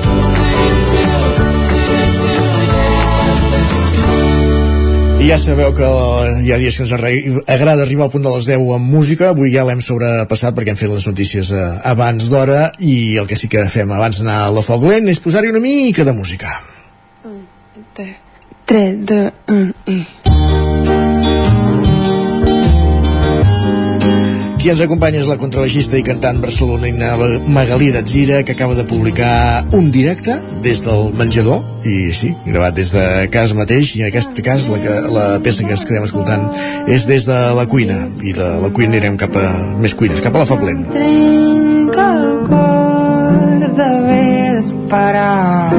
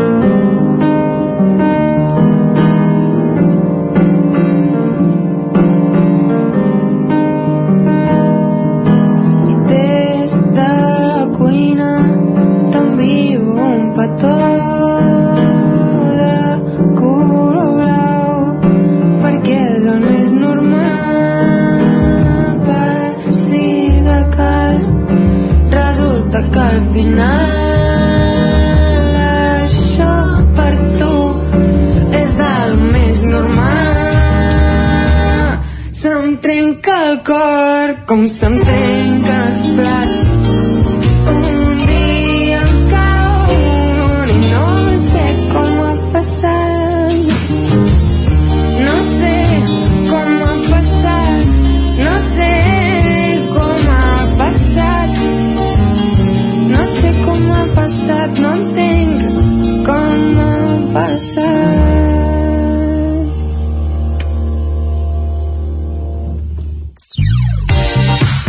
Territori 17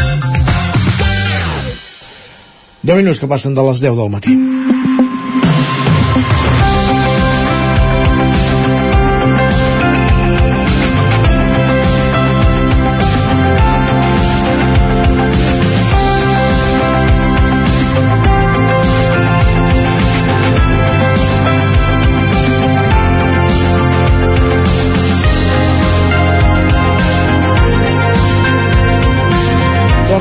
Dijous a aquesta hora el que fem al Territori 17 és parlar de cuina a la foc lent i avui ens desplacem fins a un establiment de Cardedeu on ja hi ha l'Enric Rubio de Ràdio Televisió Cardedeu. Enric, benvingut, bon dia.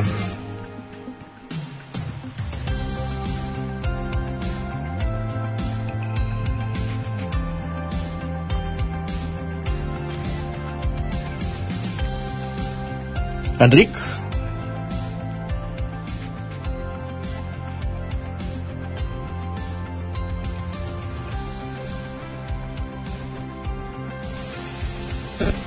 I a veure si tenim aquesta comunicació amb l'exterior, amb Ràdio Televisió Cardeu, Enric Rubio, benvingut, bon dia.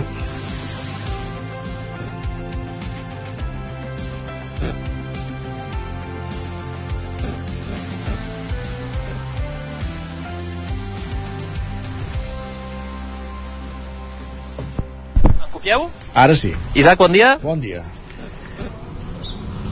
Et sentim a Val, jo crec que ara sí que m'escoltareu bé, correcte? No, uh, de fet et sentim fatal, et sentim saturat, eh, alt, uh, el senyal no és òptima, uh, regula bé la pataca, sisplau, Enric, perquè... Pot ser que una miqueta millor, estem ara... Una mica millor, va. Sí? Va, Endavant. perfecte. Intentem començar, a veure, això de fer-ho a l'exterior és maco, però és complexa. Anem a veure.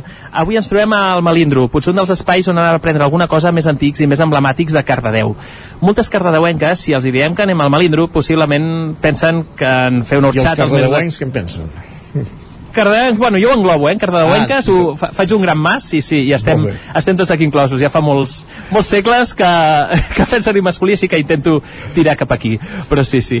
Uh, tant cardedeuenques com cardedeuencs, uh, si els diem que anem a fer el, que anem al Malindro, possiblement pensen en fer un orxat als mesos de calor al seu pati de darrere, on molts que ara som adults hi van jugar amb la vaca de cartró pedra que tenen a Tament Real, jo m'incloc. O, per exemple, fer una xocolata amb precisament uns malindros durant els mesos de fred en un espai interior acollidor i càlid. Però Malindro és molt més que això, i és que és gastronomia en el sentit més ampli de la paraula. Potser abans no, però ara un bon àpat, plats cuidats i un variat menú és només part del que ofereixen al seu dia a dia. I dic abans no, no perquè no oferissin un bon servei, sinó perquè no sempre s'ha ofert doncs, a, aquest dinar de, de taula. No? Per això avui hem volgut venir a conversar una estona amb el seu cap de cuina, amb Marc Font Garriga el qual té una dilatada experiència en l'àmbit de l'hostaleria, tant a dins com fora del país, i en diversos espais de la comarca. I ara està fent que ens apem els dits d'aquest racó de Cardeu. Uh, bon dia, Marc, moltes gràcies per deixar-nos entrar a les entranyes del Malindro. Com estàs? Bon dia, Enric. Molt bé, moltes gràcies. Uh, avui, si no tinc mal entès, ens portaràs un plat molt especial que combinarà ingredients molt variats. I crec que inclús de diferents racons del món, seguint una miqueta potser la, la teva trajectòria, ja no dels llocs d'on venen, sinó de la teva dilatada experiència de fora de, del país, no? Correcte. Avui us presentarem pues, això, una galet breton de salmó que engloba això, diferents gastronomies del món i bueno, ara en el Malindro és el que intentem pues, aportar aquest gra de, pues mira, de, de diferents racons. Ja ho has vist, Isaac, que uh, només amb el nom ja treballem aquí potser un parell o tres països i tinc aquí, uh, estic veient que ara ens començarà a explicar, però que possiblement els celíacs estaran contents perquè què ens has d'explicar, Marc, de la recepta?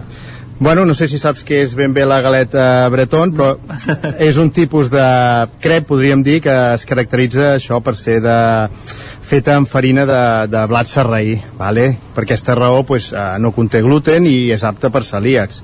I costa molt realment de trobar el blat serraí uh, Bueno. bueno, a, punt, a, a un nivell d'hostaleria avui costa trobar llocs que ho treballeu, vull dir, és, és, és bastant...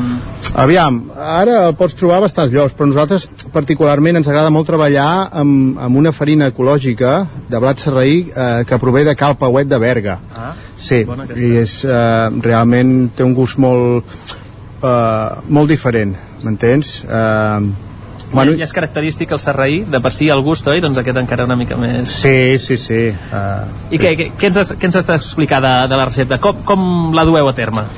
Clar, aviam, nosaltres fem servir creperes, primer de tot. Uh, a nivell pues, particular es podria fer servir una, una paella així ampla, vale? i bàsicament pues, és això. Uh, el que és la massa de la galet pues, uh, és mm, res, tres ingredients. La farina de blat serrí, com hem dit, aigua i un potsim de sal. Tot això ho hem de batre ben fort, vale? que quedi una massa ben homogènia, i després pues, agafar una nou de mantega, tirar-la a la paella o crepera i sobretot a temperatura ambient vale? perquè no se'ns enganxi Això és important, eh? que és una cosa que la gent quan fa creps no té sempre... Eh, Sí. No n'és sempre conscient i diu, ah, mai en surt bé i a la iaia o a l'avi sí, eh? Correcte, correcte pues això, un cop tinguem pues, la crepera calenta eh, cuinarem eh, foc mitjà per les dues cares vale? un cullerot de, de massa anterior no? i després, pues, bueno, nosaltres eh, un cop tinguem la, les dues cares ja diguéssim sellades baixarem una mica el foc sí. vale? i automàticament pues, hi posarem una, una cullera de guacamole Guacamole. guacamole, sí nosaltres eh, Agrada a tothom, eh? O sigui, aquí estem de moment eh, fent una recepta guanyadora. Sí, el fem amb, amb quatre ingredients, nosaltres el guacamole, que és, bueno, l'alvocat, la llima, oli d'oliva verge extra, coriandre i una mica de sal i pebre. I sobretot xafat amb forquilla. I molt important, eh? Sí. Que la gent que ho passa per la picadora i una massa túrnex. verda com puré, malament. Clar, i a part també s'oxida molt més ràpid. La gent de, de cop i volta, hosti, tinc el guacamole negre, perquè és... La gràcia és trobar també com els trossos, no? No fer-ne un puré que trobem a, a molta superfície. Clar, més casolà, perquè en realitat la cuina mexicana és molt casolana. pues això, seguidament després afegirem uns daus de formatge de cabra, que nosaltres gastem el de la granja Can Bordoi, no sé si saps on és, aquí. Ben a prop. Germans, germans de, de Intentem proximitat. treballar això amb, amb producte de proximitat eh, i que agafi una mica de textura amb l'escalforeta que tindrà, no? Eh, seguidament, doncs això, tirarem a, els brots frescos. Eh, nosaltres fem el mesclo amb, amb sis classes de- d'enciams i fulles diferents. Vale? Gastem l'escarola, el raditxo, els espinacs, la rúcula, els canonges i l'enciam llarg. Això, l'enciam llarg. Eh, després, pues, eh, continuem a foc baix, eh, filetejarem uns tomaquets cirerols, vale? que són, crec jo, els, els, els de pera, eh, són els més dolços per nosaltres, sí. Aquí que tenim un punt allargadet, no? Potser Sí, una mica, aquest punt allargadet, uns tomaquets, i ja finalment, pues això, parem el foc i ara afegim ja el, el producte estrella que és el salmó, no? Salmó. Sí. Nosaltres, pues, eh, comprem salmó fresc aquí al mercat, el filetegem i el marinem amb un estil sushi peculiar. Vale? Com, com, com és aquest? Si es pot dir, eh? Si no es pot dir... Sí, quedem, eh, bueno, diré, no diré proporcions perquè... Sí, sí, evidentment és el secret de la Coca-Cola. Però, bueno, gastem bàsicament soja, sobretot sense gluten, la soja, per, per seguir una mica amb la consonància de, de que sigui per, per, apte per celíacs, eh, suc de taronja natural, Ah, una salsa teriyaki, gingebre, eh, vinagre d'arròs, Aquí trobem aquestes referències orientals, eh? De... Sí, i és un marinat molt curt però molt potent, vale?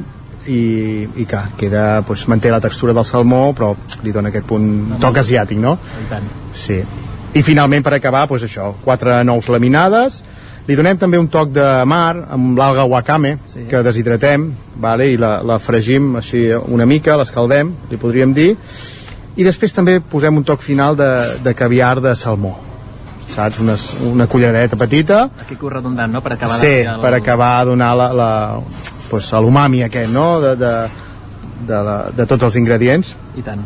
I bueno, i aviam, al final, pues, re, un raig d'oli d'oliva, d'oliva, verge, per donar pues, aquesta morositat i brillantor també, i un polsim de cibolet ben fi i jo penso ja ho tindrem. I a més és, és molt interessant perquè eh, l'estic veient ara que està, el tinc aquí al davant i he vist que no és un format, no, no, no és una forma mm, habitual, no, o sigui, no és un crep ni una, sinó que hi té un, un format, la galet, no? No sé si ho Sí, dic bé, sí, eh, una sí. mica diferent, no? L'emplatat aquest plegat. Eh, Sí, sí, bueno, finalment pues, això, donem els quatre plecs, eh, nosaltres els fem aquí amb unes espàtules especials, però i un torrat també que, que dona aquest cruixent. També gràcies a la farina aquesta pues, bueno, vindria a ser entre, podríem dir entre pizza, crep una mica aquest estil. I tant, si ho estiguéssiu veient aquí davant us faria boca aigua i jo ja la tinc tota, tota plena. Uh, a més és un format com us estaven comentant molt, molt interessant ja que queda de forma quadrada com un farcellet com us explicava ara el Marc. Uh, i quina, quina acollida té? Sí que aquí el públic que teniu uh, no sé si és uh, molt familiar al migdia o és més gent treballadora o si o persones soles que venen o potser familiar no per l'horari no? però quin públic us acostuma a demanar? Nens també o és una cosa més potser d'adults en aquest cas? Jo crec que la galeta és un producte que agrada a tothom i bàsicament també perquè tenim molts tipus de galet diferent. Tenim tant la d'entrecot, com la de magret d'ànec, com la... Pels nanos ara hem fet una amb fingers de pollo i amb fingers de pollastre i, i, i bacon i tal, que vulguis o no és, és com li diem la garrineta eh, per sí, la, la galeta és el suport, oi que sí? sí a dins hi podem posar el que... Has de fer servir una mica la imaginació, però en principi... I tant, eh, sí. Bueno, tenim molts tipus. Molt interessant, potser tenim una part d'una recepta guanyadora que agrada a tothom, no? que és una, una similar a una crep, a la galet en aquest cas, sí. i després doncs, a, a dins ho podem posar doncs, qualsevol tipus de plat elaborat com els que mm, desenvolupeu aquí. Uh, Isaac, no sé si t'està venint de gust ja a venir-nos a visitar un altre, un altre cop per aquí a Cardeu escoltant aquestes coses? Pensa que no he esmorzat avui, eh? Imagina't. Ui, doncs mira, uh, 45 minutets anant, anant, anant bé el tens fins aquí. Jo crec que Marc t'ho pot preparar, si Molt bé. aquí. Sí, sí. Doncs molt Ah. bé, digues, digues. No, no, això deia, no sé si li vols uh, comentar, fer alguna pregunta, algun apunt des d'aquí de, des Vic. Uh, no, quina és la, la galet que més triomfa? Quina és la... Una recepta Això. que ens faci ell, va, que digui, home, aquesta no us la podeu perdre. Quina és la, la que més, la, el que més us demanen aquí com a recepta, potser, ara mateix? Uh, actualment penso jo que la d'entrecot és la que surt més. Entrecot, Entrecot. amb parmesà. Mare sí, la, la galeta d'entrecot amb parmesà i una mica de, de tofu en ara aquests temps per sí. sobre també li tirem. A, Ca- a Cardeu no som gent tonta, eh, Isaac? Ja veus que Però- no ens estem però què, per coses petites. Una, un- un galet entrecot sense a sobre? D'entrecot amb parmesà, mare de Déu. Sí, sí. Uh, no sé uh, si ens, queda molta estona, anem bé de temps, Isaac? Anem bé, vull dir, però, però a la que ho tinguem ho recollim, no pateixis. Us estem perdent ara mateix? De, entesos. Em sents o no, Enric? Ara sí, perfecte. Disculpa perquè avui tenim les connexions una mica ara, perfecte. Complexes. No, doncs de, deia això, que, que espectacular aquesta galeta, aquesta crep amb, amb roca... Ai, amb rocafort, no, amb entrecot.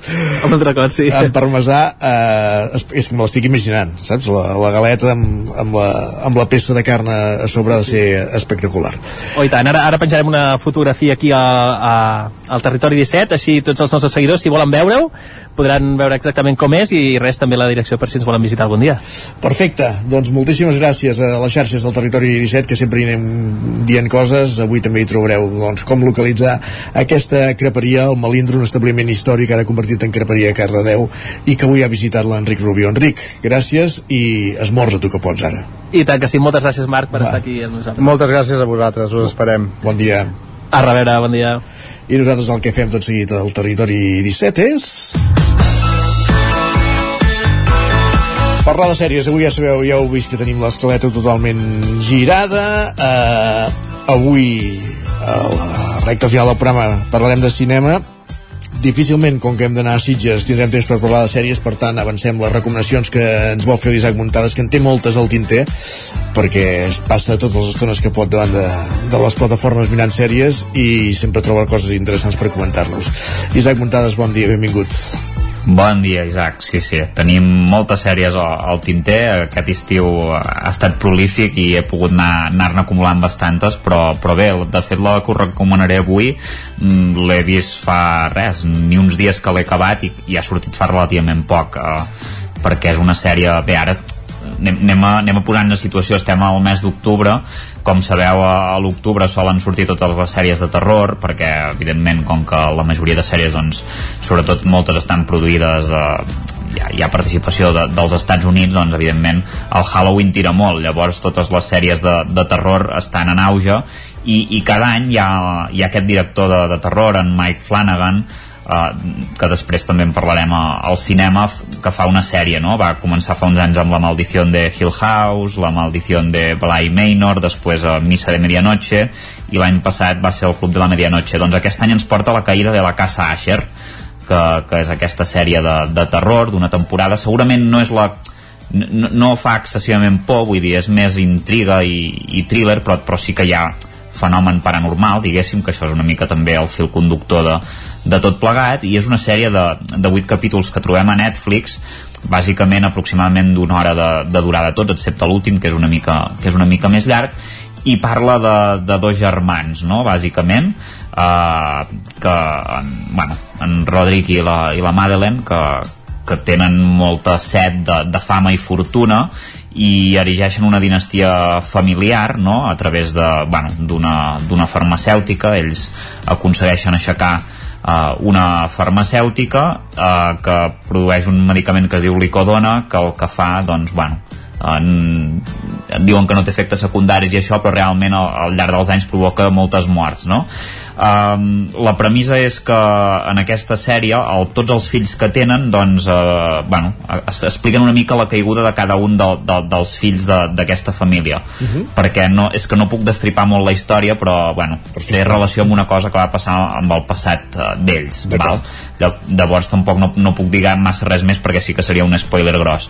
I, i bàsicament això eh, la, la narrativa es basa en un, en un detectiu i en Roderick que reuneixen una casa i li va explicant doncs li va confessant, dic, bueno, ara t'explicaré mm, doncs una mica com han mort tots els meus fills uh, que, que això sí que es diu al, al principi per tant ja no, no, no us destripo res però, però és una sèrie que està entretinguda i et té i et té uh, enganxat a la pantalla fins, fins al final realment. I a més a més amb actors que han aparegut que això és un clàssic de Mike Flanagan a les sèries anteriors que us he comentat. Vull dir, pràcticament recicla els mateixos actors sempre. Uh, si, si no apareixen en una al cap de dues sèries tornen a aparèixer de, de, de, cada, de cada sèrie estrella que fa a l'octubre vull dir que és, és molt recomanable aquesta sèrie. Doncs tornem a dir el títol? Sí, La caïda de la casa Asher i a la plataforma Netflix Sí, Netflix és una temporada és una sèrie eh, autoconclusiva eh? vull dir, no, no hi ha segona temporada en aquest cas Perfectíssim, Isaac. Doncs sèrie recomanada. Ja en tens una menys a la llista de recomanacions, però en tenim moltes altres que anirem desgranant en les properes setmanes, els dijous, aquí. A la recta final del programa ho havíem fet una miqueta abans. Va, fins d'aquí una estona.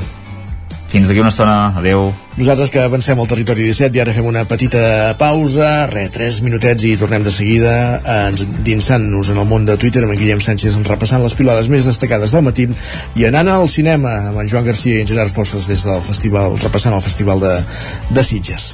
Pausa, com dèiem, i tornem amb la recta final del territori 17 d'aquest matí de dijous 19 d'octubre de 2023. Fins ara mateix.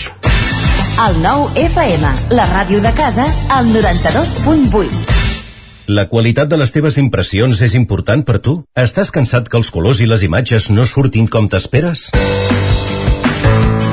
A Impremta Mater disposem de la tecnologia més avançada i els millors professionals per aconseguir impressions d'alta qualitat. Fem tota classe d'impresos amb acabats professionals. Llibres, catàlegs, revistes, tesis, calendaris, enquadernacions... I a més, disposem del servei d'impressió digital en gran format. Roll-ups, lones, pòsters i molt més. Impremta Mater. Ens trobaràs a la carretera de Sant Hipòlit 23 de Vic o impremtamater.com. Ets conscient de l'aigua que consumeixes cada dia? De vegades ens oblidem que una acció tan senzilla com obrir l'aixeta té el seu impacte en el medi ambient. T'has plantejat mai quants litres d'aigua gastem cada dia? Prens mesures per estalviar aigua a casa? Trobaràs més informació pràctica amb motiu de l'alerta de sequera. Consulta-la a aigüesvic.com barra estalvi. Aigües Vic. Amb tu, clars com l'aigua. Ser a prop vol dir veure les coses més bé. Apropa't al que t'interessa amb la xarxa Més. La teva plataforma audiovisual de qualitat, proximitat i gratuïta. Gaudeix dels continguts de més de 30 televisions locals i podcast quan, com i on tu vulguis. Entra a la xarxa més.cat i descarrega't l'app. Hasta luego, cocodrilo. El programa Cocodril Club arriba als 30 anys en antena. Vine a la festa d'aniversari.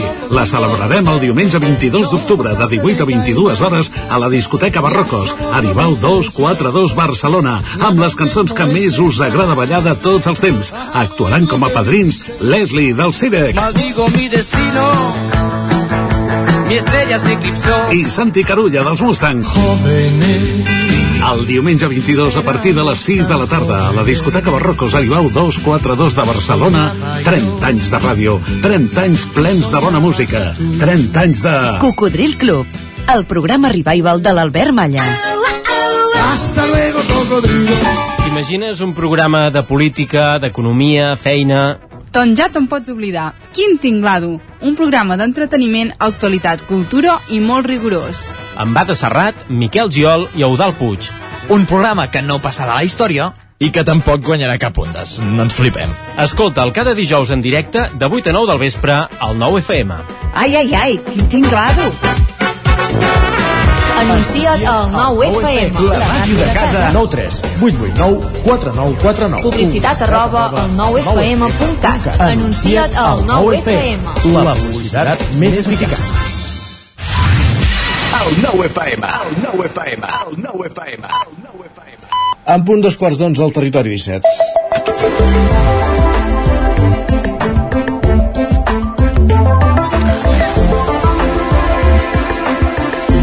Moment d'endinsar-nos a Twitter. Guillem Sánchez, benvingut, bon dia. Què tal, què tal, com estem? Bé, i tu? Bé, bé, bé, de moment bé. Sí, m'agrada. Ja veurem com arribem al final del dia, però de moment bé. I Twitter, X, què diu? Twitter està una mica nerviós, està una mica nerviós amb els trens. Avui també? Sí, amb els trens, amb la R3, amb tot, amb tot plegat. Com no? Ens escriuen, Isaac. Diu, un tren cap a Ripoll ha estat 8 minuts a Centelles esperant un creuament, però no ha esperat 3 minuts més per evitar deixar tirat tot un grup de gent que venia en més d'un autobús directe des de Mollet. Diu, següent tren al cap d'una hora i que segueixi el festival, no? Sí, i aquesta és la queixa constant, eh? que, que no hi ha manera de que enllacin bé els autocars amb els trens a Centelles i llavors trobem eh, esperes, això, eh, en aquest cas, que, que es podien haver resolt en 3 minuts d'espera. Correcte, correcte. I, I ara tot aquest passatge que arriba amb un al, que està fent el trajecte, que ha pagat el bitllet, que està fent el trajecte, que ha arribat un autocar, perquè no, no tot. té altra opció que fer-ho així, perquè és el servei alternatiu que s'ha muntat, llavors se't desmunta. En fi, són coses d'aquelles incomprensibles que diuen que hem d'anar ajustant, però jo no sé qui, qui hi ha darrere d'aquestes O la decisions. gràcia és quant temps passarà fins que s'ajusti realment tot. Sí, A veure si es fa abans d'acabar les obres, que també estaria bé. ja, ja admeto eh, que a l'hora de prendre una decisió segur que, eh, segurament has de tenir moltes eh, coses al cap i has de tenir-ho present moltes situacions. Però ja no et ve de 3 minuts mm, l'encreuament el faràs a, Correcte. a, l'estació que tenies previst el faràs a la següent. Això ha passat sempre amb el tren no entenc per què ara eh, en aquesta situació d'excepcionalitat eh, no, no es pot entendre eh, ja està, ja he deixat d'anar la, la venga. Digues. Mira, la Gemma hi posa solucions. Diu, necessitem més trens cap a Ripoll i Puigcerdà. Ben fàcil, no? Sí, però clar, ara com els portes? és que tot és més complicat del que sembla. Va, i si anem cap al, cap al Ripollès hi podem trobar coses com la que ens explica en Jordi, tot i que per arribar allà el tren ja et dic jo que no és una solució. Ens diu, el poble de Set Cases ha canviat moltíssim i costa una mica fer-ne reviure el blanc i el negre, però encara pots homenatjar-te amb un berenar de xocolata, pa, oli i sal, que també està molt bé. Oh, tant, com sí. Home, només faltaria. I és que el menjar està molt bé i també ho està bé poder anar de concerts i viure música. La Noemí ens fa una petició. Ens diu, hola, estic a punt de comprar a la revenda unes entrades per un concert. Diu, algun consell? Uh, és a dir, ha de buscar el concert encara jo entenc que el concert ja el té. Ah, d'acord. Però no acaba de veure clar el tema de la revenda. No sé si li vols donar algun consell, no, Isaac. no, no tinc experiència no, sé. No? no. Doncs va, la música ens pot fer feliç, però no només això. També altres coses. Llegim a l'Eric, que ens diu parlant de què ens fa feliç amb els meus alumnes, un pregunta, diu, a tu què et fa feliç, Eric? I li dic a mi, dormir 8 hores seguides. I a tu? Diu a mi, dormir-ne 9. Diu respecte i admiració pels que contesten sense pensar el primer que els hi passa pel cap i deixen de banda la vergonya. Molt bé. Evidentment, evidentment. Dormir està molt bé, és una afició molt saludable i necessària a vegades. necessària i molt barata. Exacte. i ahí lo dejo. Com deia, me vergonyes fora i sense pensar en el que diran. Com l'Anna que ens comenta, diu, molt aficionada jo a dir frases fetes, un dia enmig d'una reunió amb una persona estràbica, a més no poder vaig deixar anar un, ja se sap en el país de los ciegos, el tuerto és el rei. Diu, se'n pot portar a tot arreu. Molt bé. I la d'aquest usuari també és una de les millors de la temporada, em sembla. Atenció, eh Diu, després de dos mesos sense quasi làctics, prenent tres pastilles al dia per la panxa i sense notar massa millora, el metge de capçalera em truca perquè s'ha donat que les pastilles que em va receptar porten lactosa. Xapó. Xapó, xapó. Molt bé. És que no pots... una, una errada la pot tenir tothom, eh? I tant, i tant. No et pots fiar per això ja de ningú, eh? ni dels metges, eh, tampoc. No. No. Què més? Va, l'Andreu, que ens diu cada persona té entre 5 i 10 coneguts que han embogit amb el món de la bicicleta o el món de córrer per no anar enlloc. Gent que viatja segons les curses que hi ha. Gent que fa mala cara. Gent que de petita suspenia educació física i ara no pot viure sense l'esport. Quants en coneixes d'aquests? Deixem que la gent sigui feliç. Quants en coneixes d'aquests? Algun. Algun, sí? Sí. Doncs vai, acabarem amb una reflexió. De fet, jo no m'havia parat mai a pensar en això. Ens diuen, he estat llegint consells sobre què s'ha de fer si es declara una guerra mundial. I diuen que passi el que passi, mai ens hem de fer els morts. Doncs molt bé, se m'acaba de desmuntar la meva única i brillant estratègia. Ara estic perdudíssima. Què faríeu vosaltres? Us ho preguntarem i us respondrem dilluns. Gràcies, Guillem. Va, que vagi molt bé, Vinga, Isaac. Cap al cinema. Vinga. Amb en Joan Garcia i en Gerard Fosses, avui des de Sitges, en Gerard. Una setmana més. Moment d'anar al cinema. Ah, no, avui amb l'Isaac Muntades. Uh, com dèiem, doncs, amb l'Isaac Muntades i en Gerard Fosses, moment d'anar al cinema aquí al Territori 17. Doncs una setmana més, eh, avui a la secció de cinema tenim amb nosaltres en Gerard Fosses que ens explicarà una mica tota la seva aventura a Sitges. Sabem que, que deu estar cansat, ens imaginem, perquè ha vist moltes pel·lícules aquests dies i, i té moltes ganes de- d'explicar-nos de, moltes coses perquè recordem que el dijous passat no vam fer, no vam fer secció perquè era festa. Tu, Gerard, no sé si vas fer festa, eh? Bon dia. Hola, bon dia. No, jo no vaig fer festa. Bueno, allò, eh, al festival, no?, que sempre m'agafo entre vacances i feina, però, però vaig estar veient pel·lícules i de fet crec que el dijous en vaig veure cinc justament, va ser una d'aquestes jornades llargues. O sigui, no, el pont tu no, no ho vas fer, eh? tu directament, el No, dia, no. que a més a més el dia 12, que era el, el dia de festa, vas, vas treballar, eh? Perfecte. Molt bé, doncs... Sí, a, a, a més a més, el, durant el pont a Sitges hi acostuma a haver molta gent, també, vull dir que és d'aquests dies que, que donen per, per moltes coses. I avui ens en parlaràs, eh? Avui tenim molta, molta tralla per anar explicant i, i això, eh, si et sembla sentim un moment la, la sintonia, eh? Que la, ten- ja tenim ganes de, de que ens expliquis una mica tot el tema de, de Sitges que, que ens portes avui.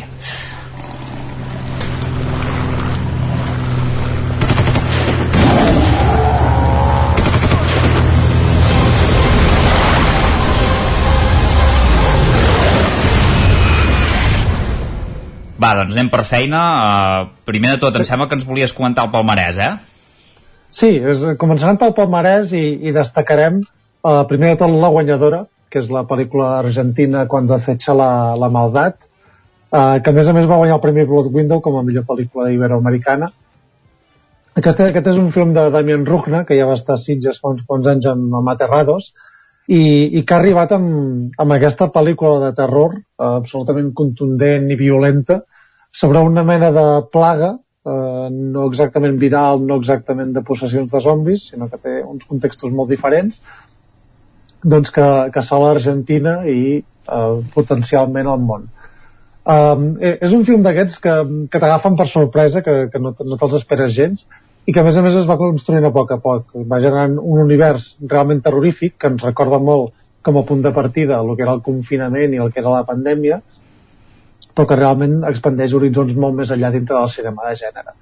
Uh, a mi és, és un dels films que em va agradar més, sens dubte, de, del festival. A més, és un, una pel·lícula molt pròpia de, de l'esperit de Sitges. I, I realment em va sorprendre molt, entre cometes, perquè Sitges, sí, el primer que pensa la gent és que és un festival de cinema de terror Uh -huh. tot i que el títol és Festival de Cinema Fantàstic de, de Catalunya, uh, però uh, feia molts anys que no guanyava una pel·lícula de terror, m'ho vaig estar mirant, i de fet l'últim film pròpiament de terror com a tal que va guanyar va ser Ringo, la, la, la pel·lícula La pel·li de The Ring, no? De, de la senya... Exacte, però el Sí. film original. El que film guanyar- original, eh? Japonès. Sí, que va guanyar, no sé si va ser l'any 99-2000, Sí, perquè la pel·lícula, la pel·lícula americana, que és, deu ser del 2000 i poc, exacte, és una mica Sí. abans, no? Sí, sí, efectivament, i va, va, va estrenar-se aquesta, aquesta pel·lícula Sitges, que va ser una autèntica sensació, i és l'última pel·lícula de, pròpiament de terror que va guanyar, per tant, diguem que estem de- d'enhorabona perquè he guanyat aquest premi, a més, amb una pel·lícula realment extraordinària. Uh -huh. Què més tenim? Què més hi ha? Eh, Em sembla que hi ha premis especials, de la crítica també. Sí, el, aquests els comentarem més ràpid. El, el Premi Especial del Jurat és un premi que jo sempre m'hi fixo bastant, perquè, com, com saps, al al final les decisions són unànimes, Uh -huh. i sempre sol passar que n'hi ha tres que estan a favor d'una, dos que estan a favor d'una altra i tal. El Premi Especial del Jurat, diguem que marca una mica això, no? quines són les preferències destacades d'alguns membres del jurat, però que no acaben de quallar per, o que no acaben de coincidir amb tothom per la guanyadora. En aquest cas és un film titulat Stop Motion, que Mhm. és sobre l'abisme creatiu i la, la creació de dimonis. O sigui, és un film que a més a més està rodat en stop motion en bona part uh, i que és una producció de, de més de 20 anys que, que per tant arriba finalment a la gran pantalla realment és un viatge als inferns molt, molt interessant i molt colpidor i la pel·lícula Vermin, La plaga un film francès Mhm. uh d'una invasió d'aranyes que també va guanyar el Premi Especial del Jurat a la crítica que va guanyar el film de ciència-ficció thriller La teoria universal una pel·lícula que a mi personalment em va decebre moltíssim Mhm. és un film de, de ciència-ficció rodat així amb, amb aires molt clàssics, agafant molt l'estètica de Vértigo o de Tercer Hombre, uh, però bueno, traslladada molt als temps actuals, amb un digital molt clàssic, estèticament el blanc i negre uh, és interessant com està treballat, però realment com a ciència-ficció no, no té absolutament res a aportar. Per tant, jo aquí la posaria com a, a, a decepció.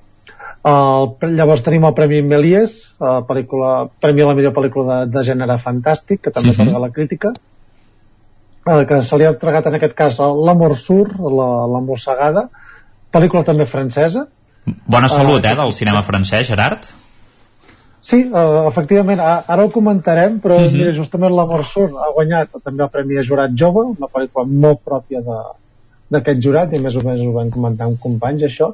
I el Premi per Públic uh, se l'han portat a una producció espanyola, de, dirigida per, per Eduardo, perdó, per Pablo Berger, Mhm. que és Robot Dreams, pel·lícula de- d'animació.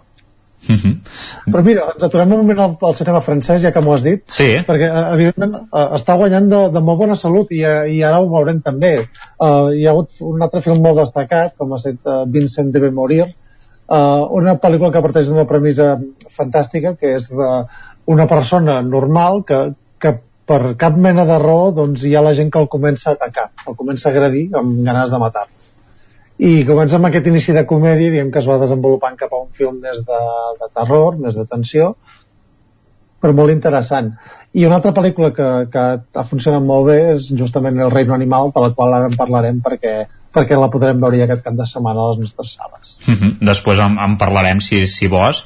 Uh, dir també que hi ha altres pel·lícules destacades, eh? A mi em crida l'atenció d'aquestes que, que m'has anotat aquí, eh, El Vengador Tóxico, perquè jo havia vist la quarta part, uh, sí? que també és una cosa curiosa que les altres tres no, no se'n sàpiga ningú i la quarta part que hi havia en, en Ron Jeremy que era poder de, de, de lo més destacat eh? que era aquell actor porno Sí. i, i era Sí, bastant efectivament. estúpida la pel·lícula i molt gore, eh? realment Bé, és que, de fet, El Vengador Tóxico era com una de les pel·lícules més, més esperades de, Sí. de Sitges.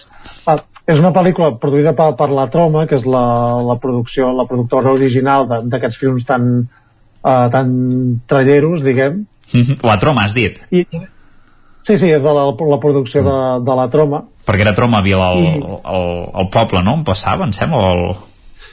Uh, sí, Sí, sí, ara no me'n ara no me'n recordo com es deia el, el poble, però sí anava por ahí. És que a més a més llavors es va fer fins i tot una sèrie de d'animació. Mhm. Però bé, aquesta és una pel·lícula més, més actual, més adaptada als temps moderns, se segueix tenint el gore, però li falta molt l'estètica trash i la mala llet. A més a més, uh, hi ha actors aquí més, més potents, hi ha Elijah Wood, en, entre d'altres, Mhm. que el recordem del, del Senyor dels Anells.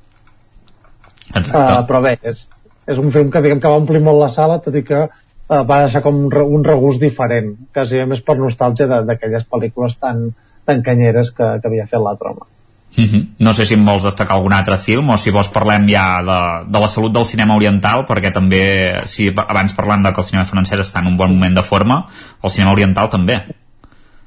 Sí, uh, sí, però si et sembla, per això abans des- destacaré un parell de pel·lícules Sí, que, tant, que, que sí que, que han funcionat molt bé.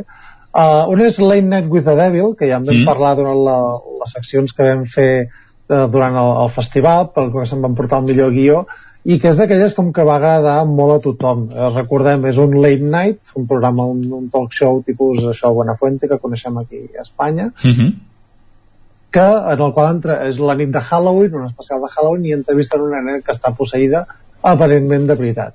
I és molt interessant com la història es va desenvolupant en el transcurs real del programa, de lo que és el metratge del programa, i el que passa llavors entre bambalines durant la publicitat. A més, és un film que estructuralment és molt interessant i a més a més molt oberts. I destacar també un film, una comèdia, que es titula Hundreds of Beavers, eh, Mm. centenars de, de castors, que és una comèdia absolutament boja i absurda eh, -huh. d'un d'un parell de, de creadors americans que ja, ja ens van sorprendre fa anys amb Lake Michigan que treballen amb, que, pràcticament amb zero pressupost, es fan ells totes les, les animacions, els efectes, i en aquest cas és una pel·lícula sobre un, un caçador que es dedica a caçar castors durant dues hores, uh -huh. doncs, per aconseguir doncs, eh, seduir a una, a una noia que és la filla del, això, del, del que prepara materials amb les pells del castors. Mm. És, és una autèntica bogeria, recorda molt a l'esperit dels dibuixos originals dels Looney Tunes, de tot mm -hmm. això, Correcaminos, Bugs Bunny, etc, en aquest cas en, en acció real, i, i sens dubte ha estat la, la gran sensació, el gran impacte d'aquest festival. Una pel·li no apta per animalistes, eh, en aquest cas si es passa tota bueno, la... sí, sí, perquè els animals en, en aquest cas són persones disfressades. Són persones disfressades, eh? Sí, sí. D'aquestes, però, però a més a més amb el, amb el peluix que es veu. Sí, molt, molt, molt divertit déu nhi uh, deies això, eh? volies comentar això i també això que dèiem eh? del cinema oriental, eh? que hi havia més de 50 títols seleccionats, eh? déu nhi eh? Sí, sempre el, el, tenim el, nosaltres tenim el Festival de Cinema Oriental de Vic, al mig, però el, el festival diguem, més gran de cinema asiàtic, encara que no sigui l'especialitat de, de Catalunya i d'Espanya, és el Festival de Sitges. A vegades no hi ha una selecció tan àmplia, però en aquest cas sí que hi ha hagut una selecció molt gran, de més de 50 títols que, paraven totes les seccions, la secció oficial, l'Animat, Noves Visions també, i en pel·lícules que han funcionat molt bé, com Romance Asesino, també una, una comèdia romàntica amb un gir violent, uh -huh. eh, mhm. pel·lícula realment delirant també, que, que va fer les delícies del públic, el thriller de, de, de Child, uh, la pel·lícula d'animació xinesa absolutament extraordinària mm, per, per la seva pictoricitat i per la seva vistositat, que es titula Deep Sea. Uh, tenim Concrete Utopia, que és la pel·lícula que, que representarà Corea als Oscars, uh -huh. si, si l'arriben a seleccionar. Se l'ha comparat molt amb Paràsitos pel tema del missatge social, l'editor de classes, uh -huh. Tot i que és, òbviament, un film molt més comercial i inferior cinematogràficament a, a Paràsitos, tot i que està realment molt bé.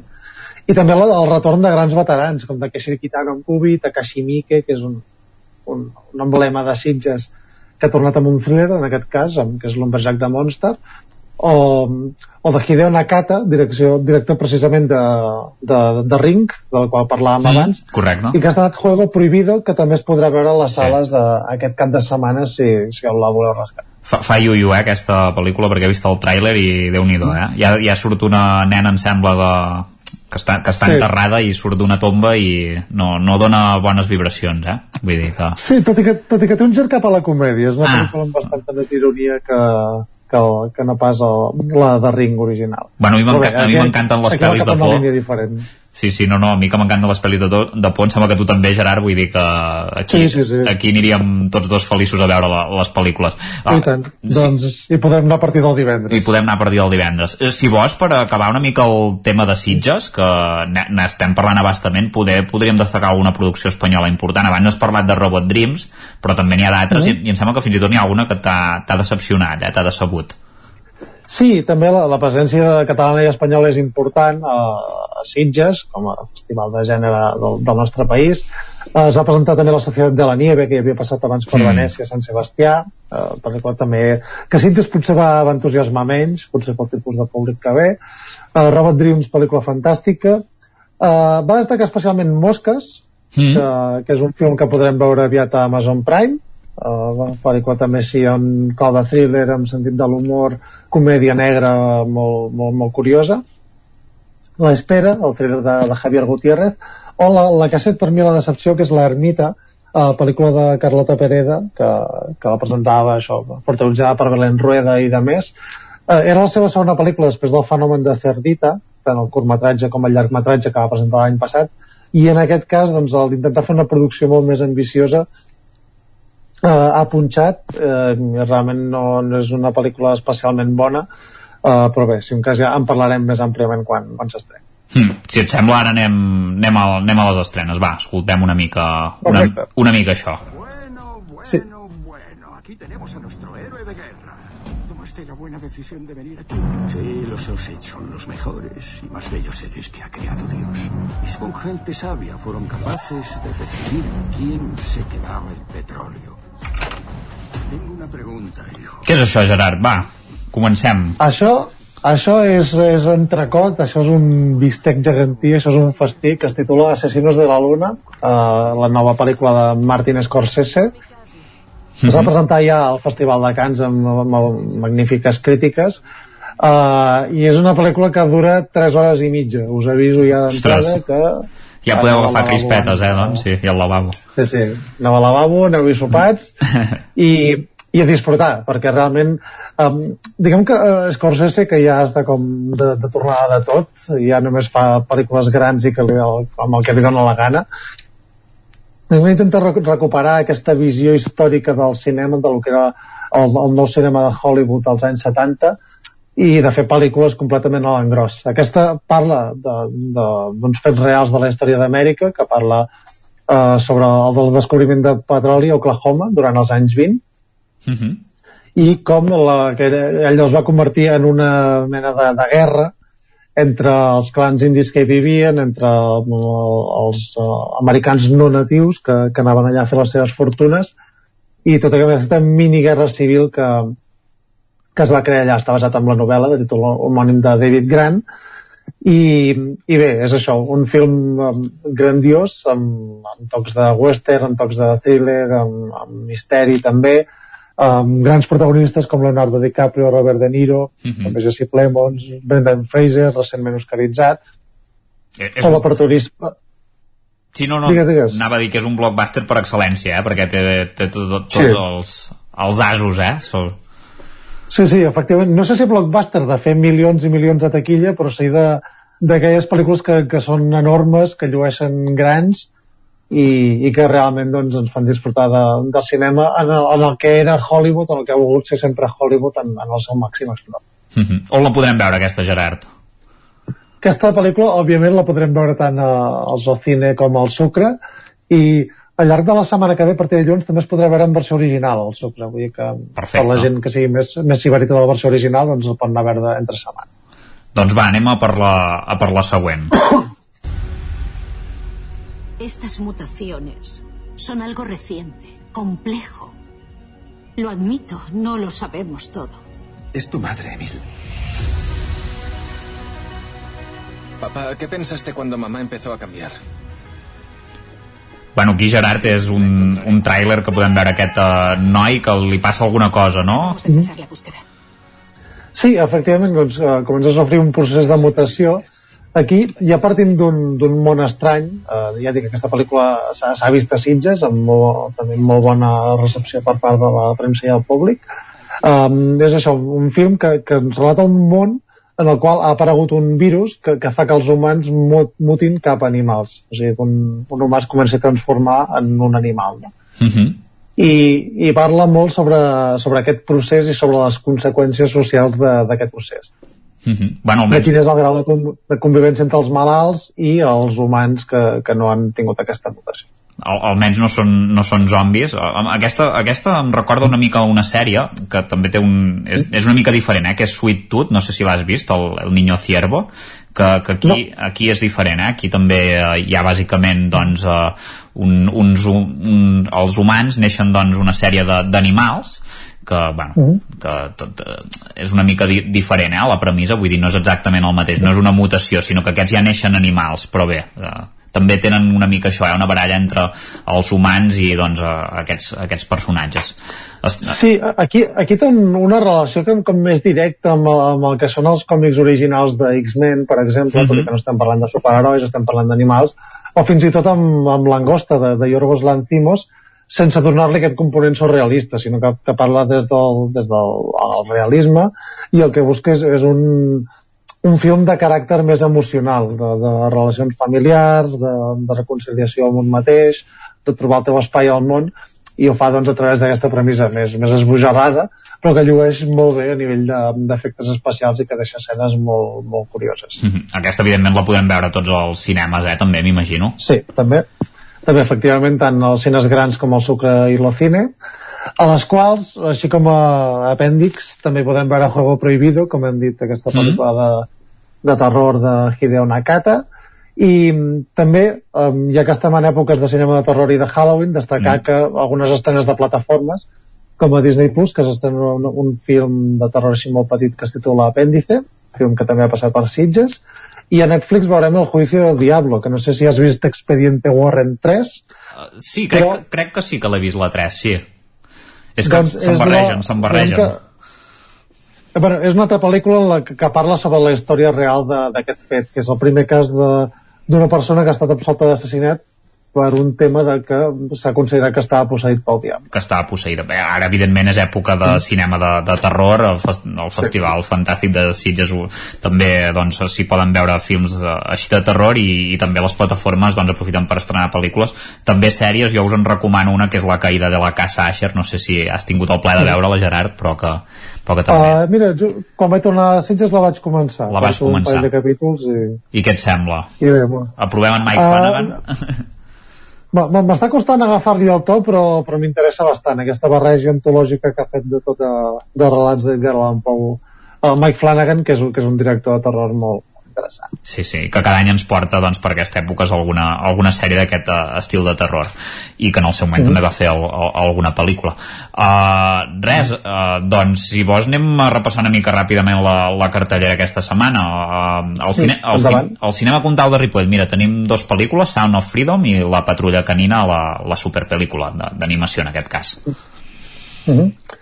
Sí, Sound of Freedom és un film, un thriller també basat en fets reals, uh, d'aquests més descafeinats i, la patrulla canina, pues això, una pel·lícula per, per tota la família que segur, segur que farà les delícies de la canalla, sobretot. Uh -huh. El casal Campordoní, Xines. Sí, aquesta és, és una pel·lícula de, espanyola, per cert, de, de, de l'Aranxa Echeverria, i que, que és una, una mirada sobre el, el racisme en, en la infància, també amb molt, molt sentit de l'humor, en aquest cas en, en la pell d'uns immigrants xinesos. Mm -hmm. Al cinema Catalunya de Ribes hi podem veure IA, que seria intel·ligència artificial, eh? Sí, exacte. També és un, un film de, de producció catalana-espanyola i, i és això sobre una noia que, que en un futur distòpic doncs, crea una intel·ligència artificial amb, amb, amb això, amb la consciència de, de la seva exparell, mm -hmm. amb la qual no tenia la millor relació del món. Déu nhi A, a l'Esbarjo de Cardedeu, una, una pel·lícula que ja em sembla que ja ens ha recomanat mil vegades, que és 20.000 espècies d'abejas, i també... Sí, és digues, digues. que ha aparegut bastant ja. Sí, i les bones companyies. Sí, les bones companyies que la podrem veure, ja, ja ho dic ara, a l'Esbarjo de Cardedeu i també a l'Alter de, de Torelló. Uh mhm. -huh. És la pel·lícula que està circulant ara amb el cicle Gaudí i és això, un film amb, amb un caràcter molt juvenil que va funcionar molt bé al Festival de Màlaga. Mm. Al cinema Alhambra de la Garriga tenim uh, uh, l'òpera òpera, un Però, Romeo i Julieta. Sí, sí, Romeo i Julieta, que la fan aquest dijous. I també tenim assasin, Los Asesinos de la Luna, com no? I Patrulla Canina. I Patrulla per, Canina, per sí, sí. I després ja, ja per acabar, uh, tenim, no tenim res al Casal de Gràcia de, de Manlleu fins al 29 d'octubre i el Cineclub de Vic Uh, tenim un parell de coses, eh? les uh, Teenage Mutant sí. uh, Turtles, les Tortugues Ninja. Sí, tenim el, aquest diumenge sessió de Cine Club Chic, que se sol fer cada 15 dies. Hi ha la pel·lícula clàssica de les Tortugues Ninja, la primera que es va fer en acció real, no sé si l'any 89 o el 90, i llavors en, en sessió habitual de Cine Club, els dimarts, en aquest cas amb una sessió en col·laboració amb la Universitat de Vic, eh, tractant el tema del canvi climàtic, doncs es projectarà la pel·lícula Bèsties del Sur Salvaje de Ben Zeitlin, que va ser una de les grans sorpreses del cinema independent eh, l'any 2012 i que recuperem en aquest cas en tot el seu esplendor al Cineclub de Vic. Perfecte, doncs ja ho tindríem, veus? Ara es, espero que hagi anat bé també el, el Festival de Sitges. I tant, sí, sí, una, una valoració molt positiva aquest any i sobretot celebrar, així com ja últim apunt, que, que s'ha acabat una mica aquest cinema de, de pandèmia, postpandèmia, perquè sí que s'ha notat en els dos darrers anys, sobretot 21 i 22, no? vam tenir la pandèmia al 20, uh -huh. uh, pel·lícules en produccions molt més petites, de dos personatges, una localització, um, poc pressupost, etc etc. En aquest cas sí que estem veient produ produccions molt més cuidades, tant dintre del cinema més independent com del cinema, diguem-ne, més, més gran, i que ja comença a respirar una mica eh, diguem, la magnitud del cinema que, que hi havia abans de la pandèmia, cosa que és molt de salat. Doncs perfecte, Gerard. En, amb tu no parlem la setmana que ve, ja tornarà en Joan, que, està, que el tenim de vacances. Mm. Suposo que ja en tens ganes, eh, també. Doncs, sí, doncs ens veiem amb en Joan, també. Va, doncs. Territori 17, un magazín del 9 FM, Ona Codinenca, Ràdio Cardedeu, Ràdio Vic i La Veu de Sant Joan, amb el suport de la xarxa. I tornem demà al Territori 17 a partir de les 9. Bon, diven... bon dijous.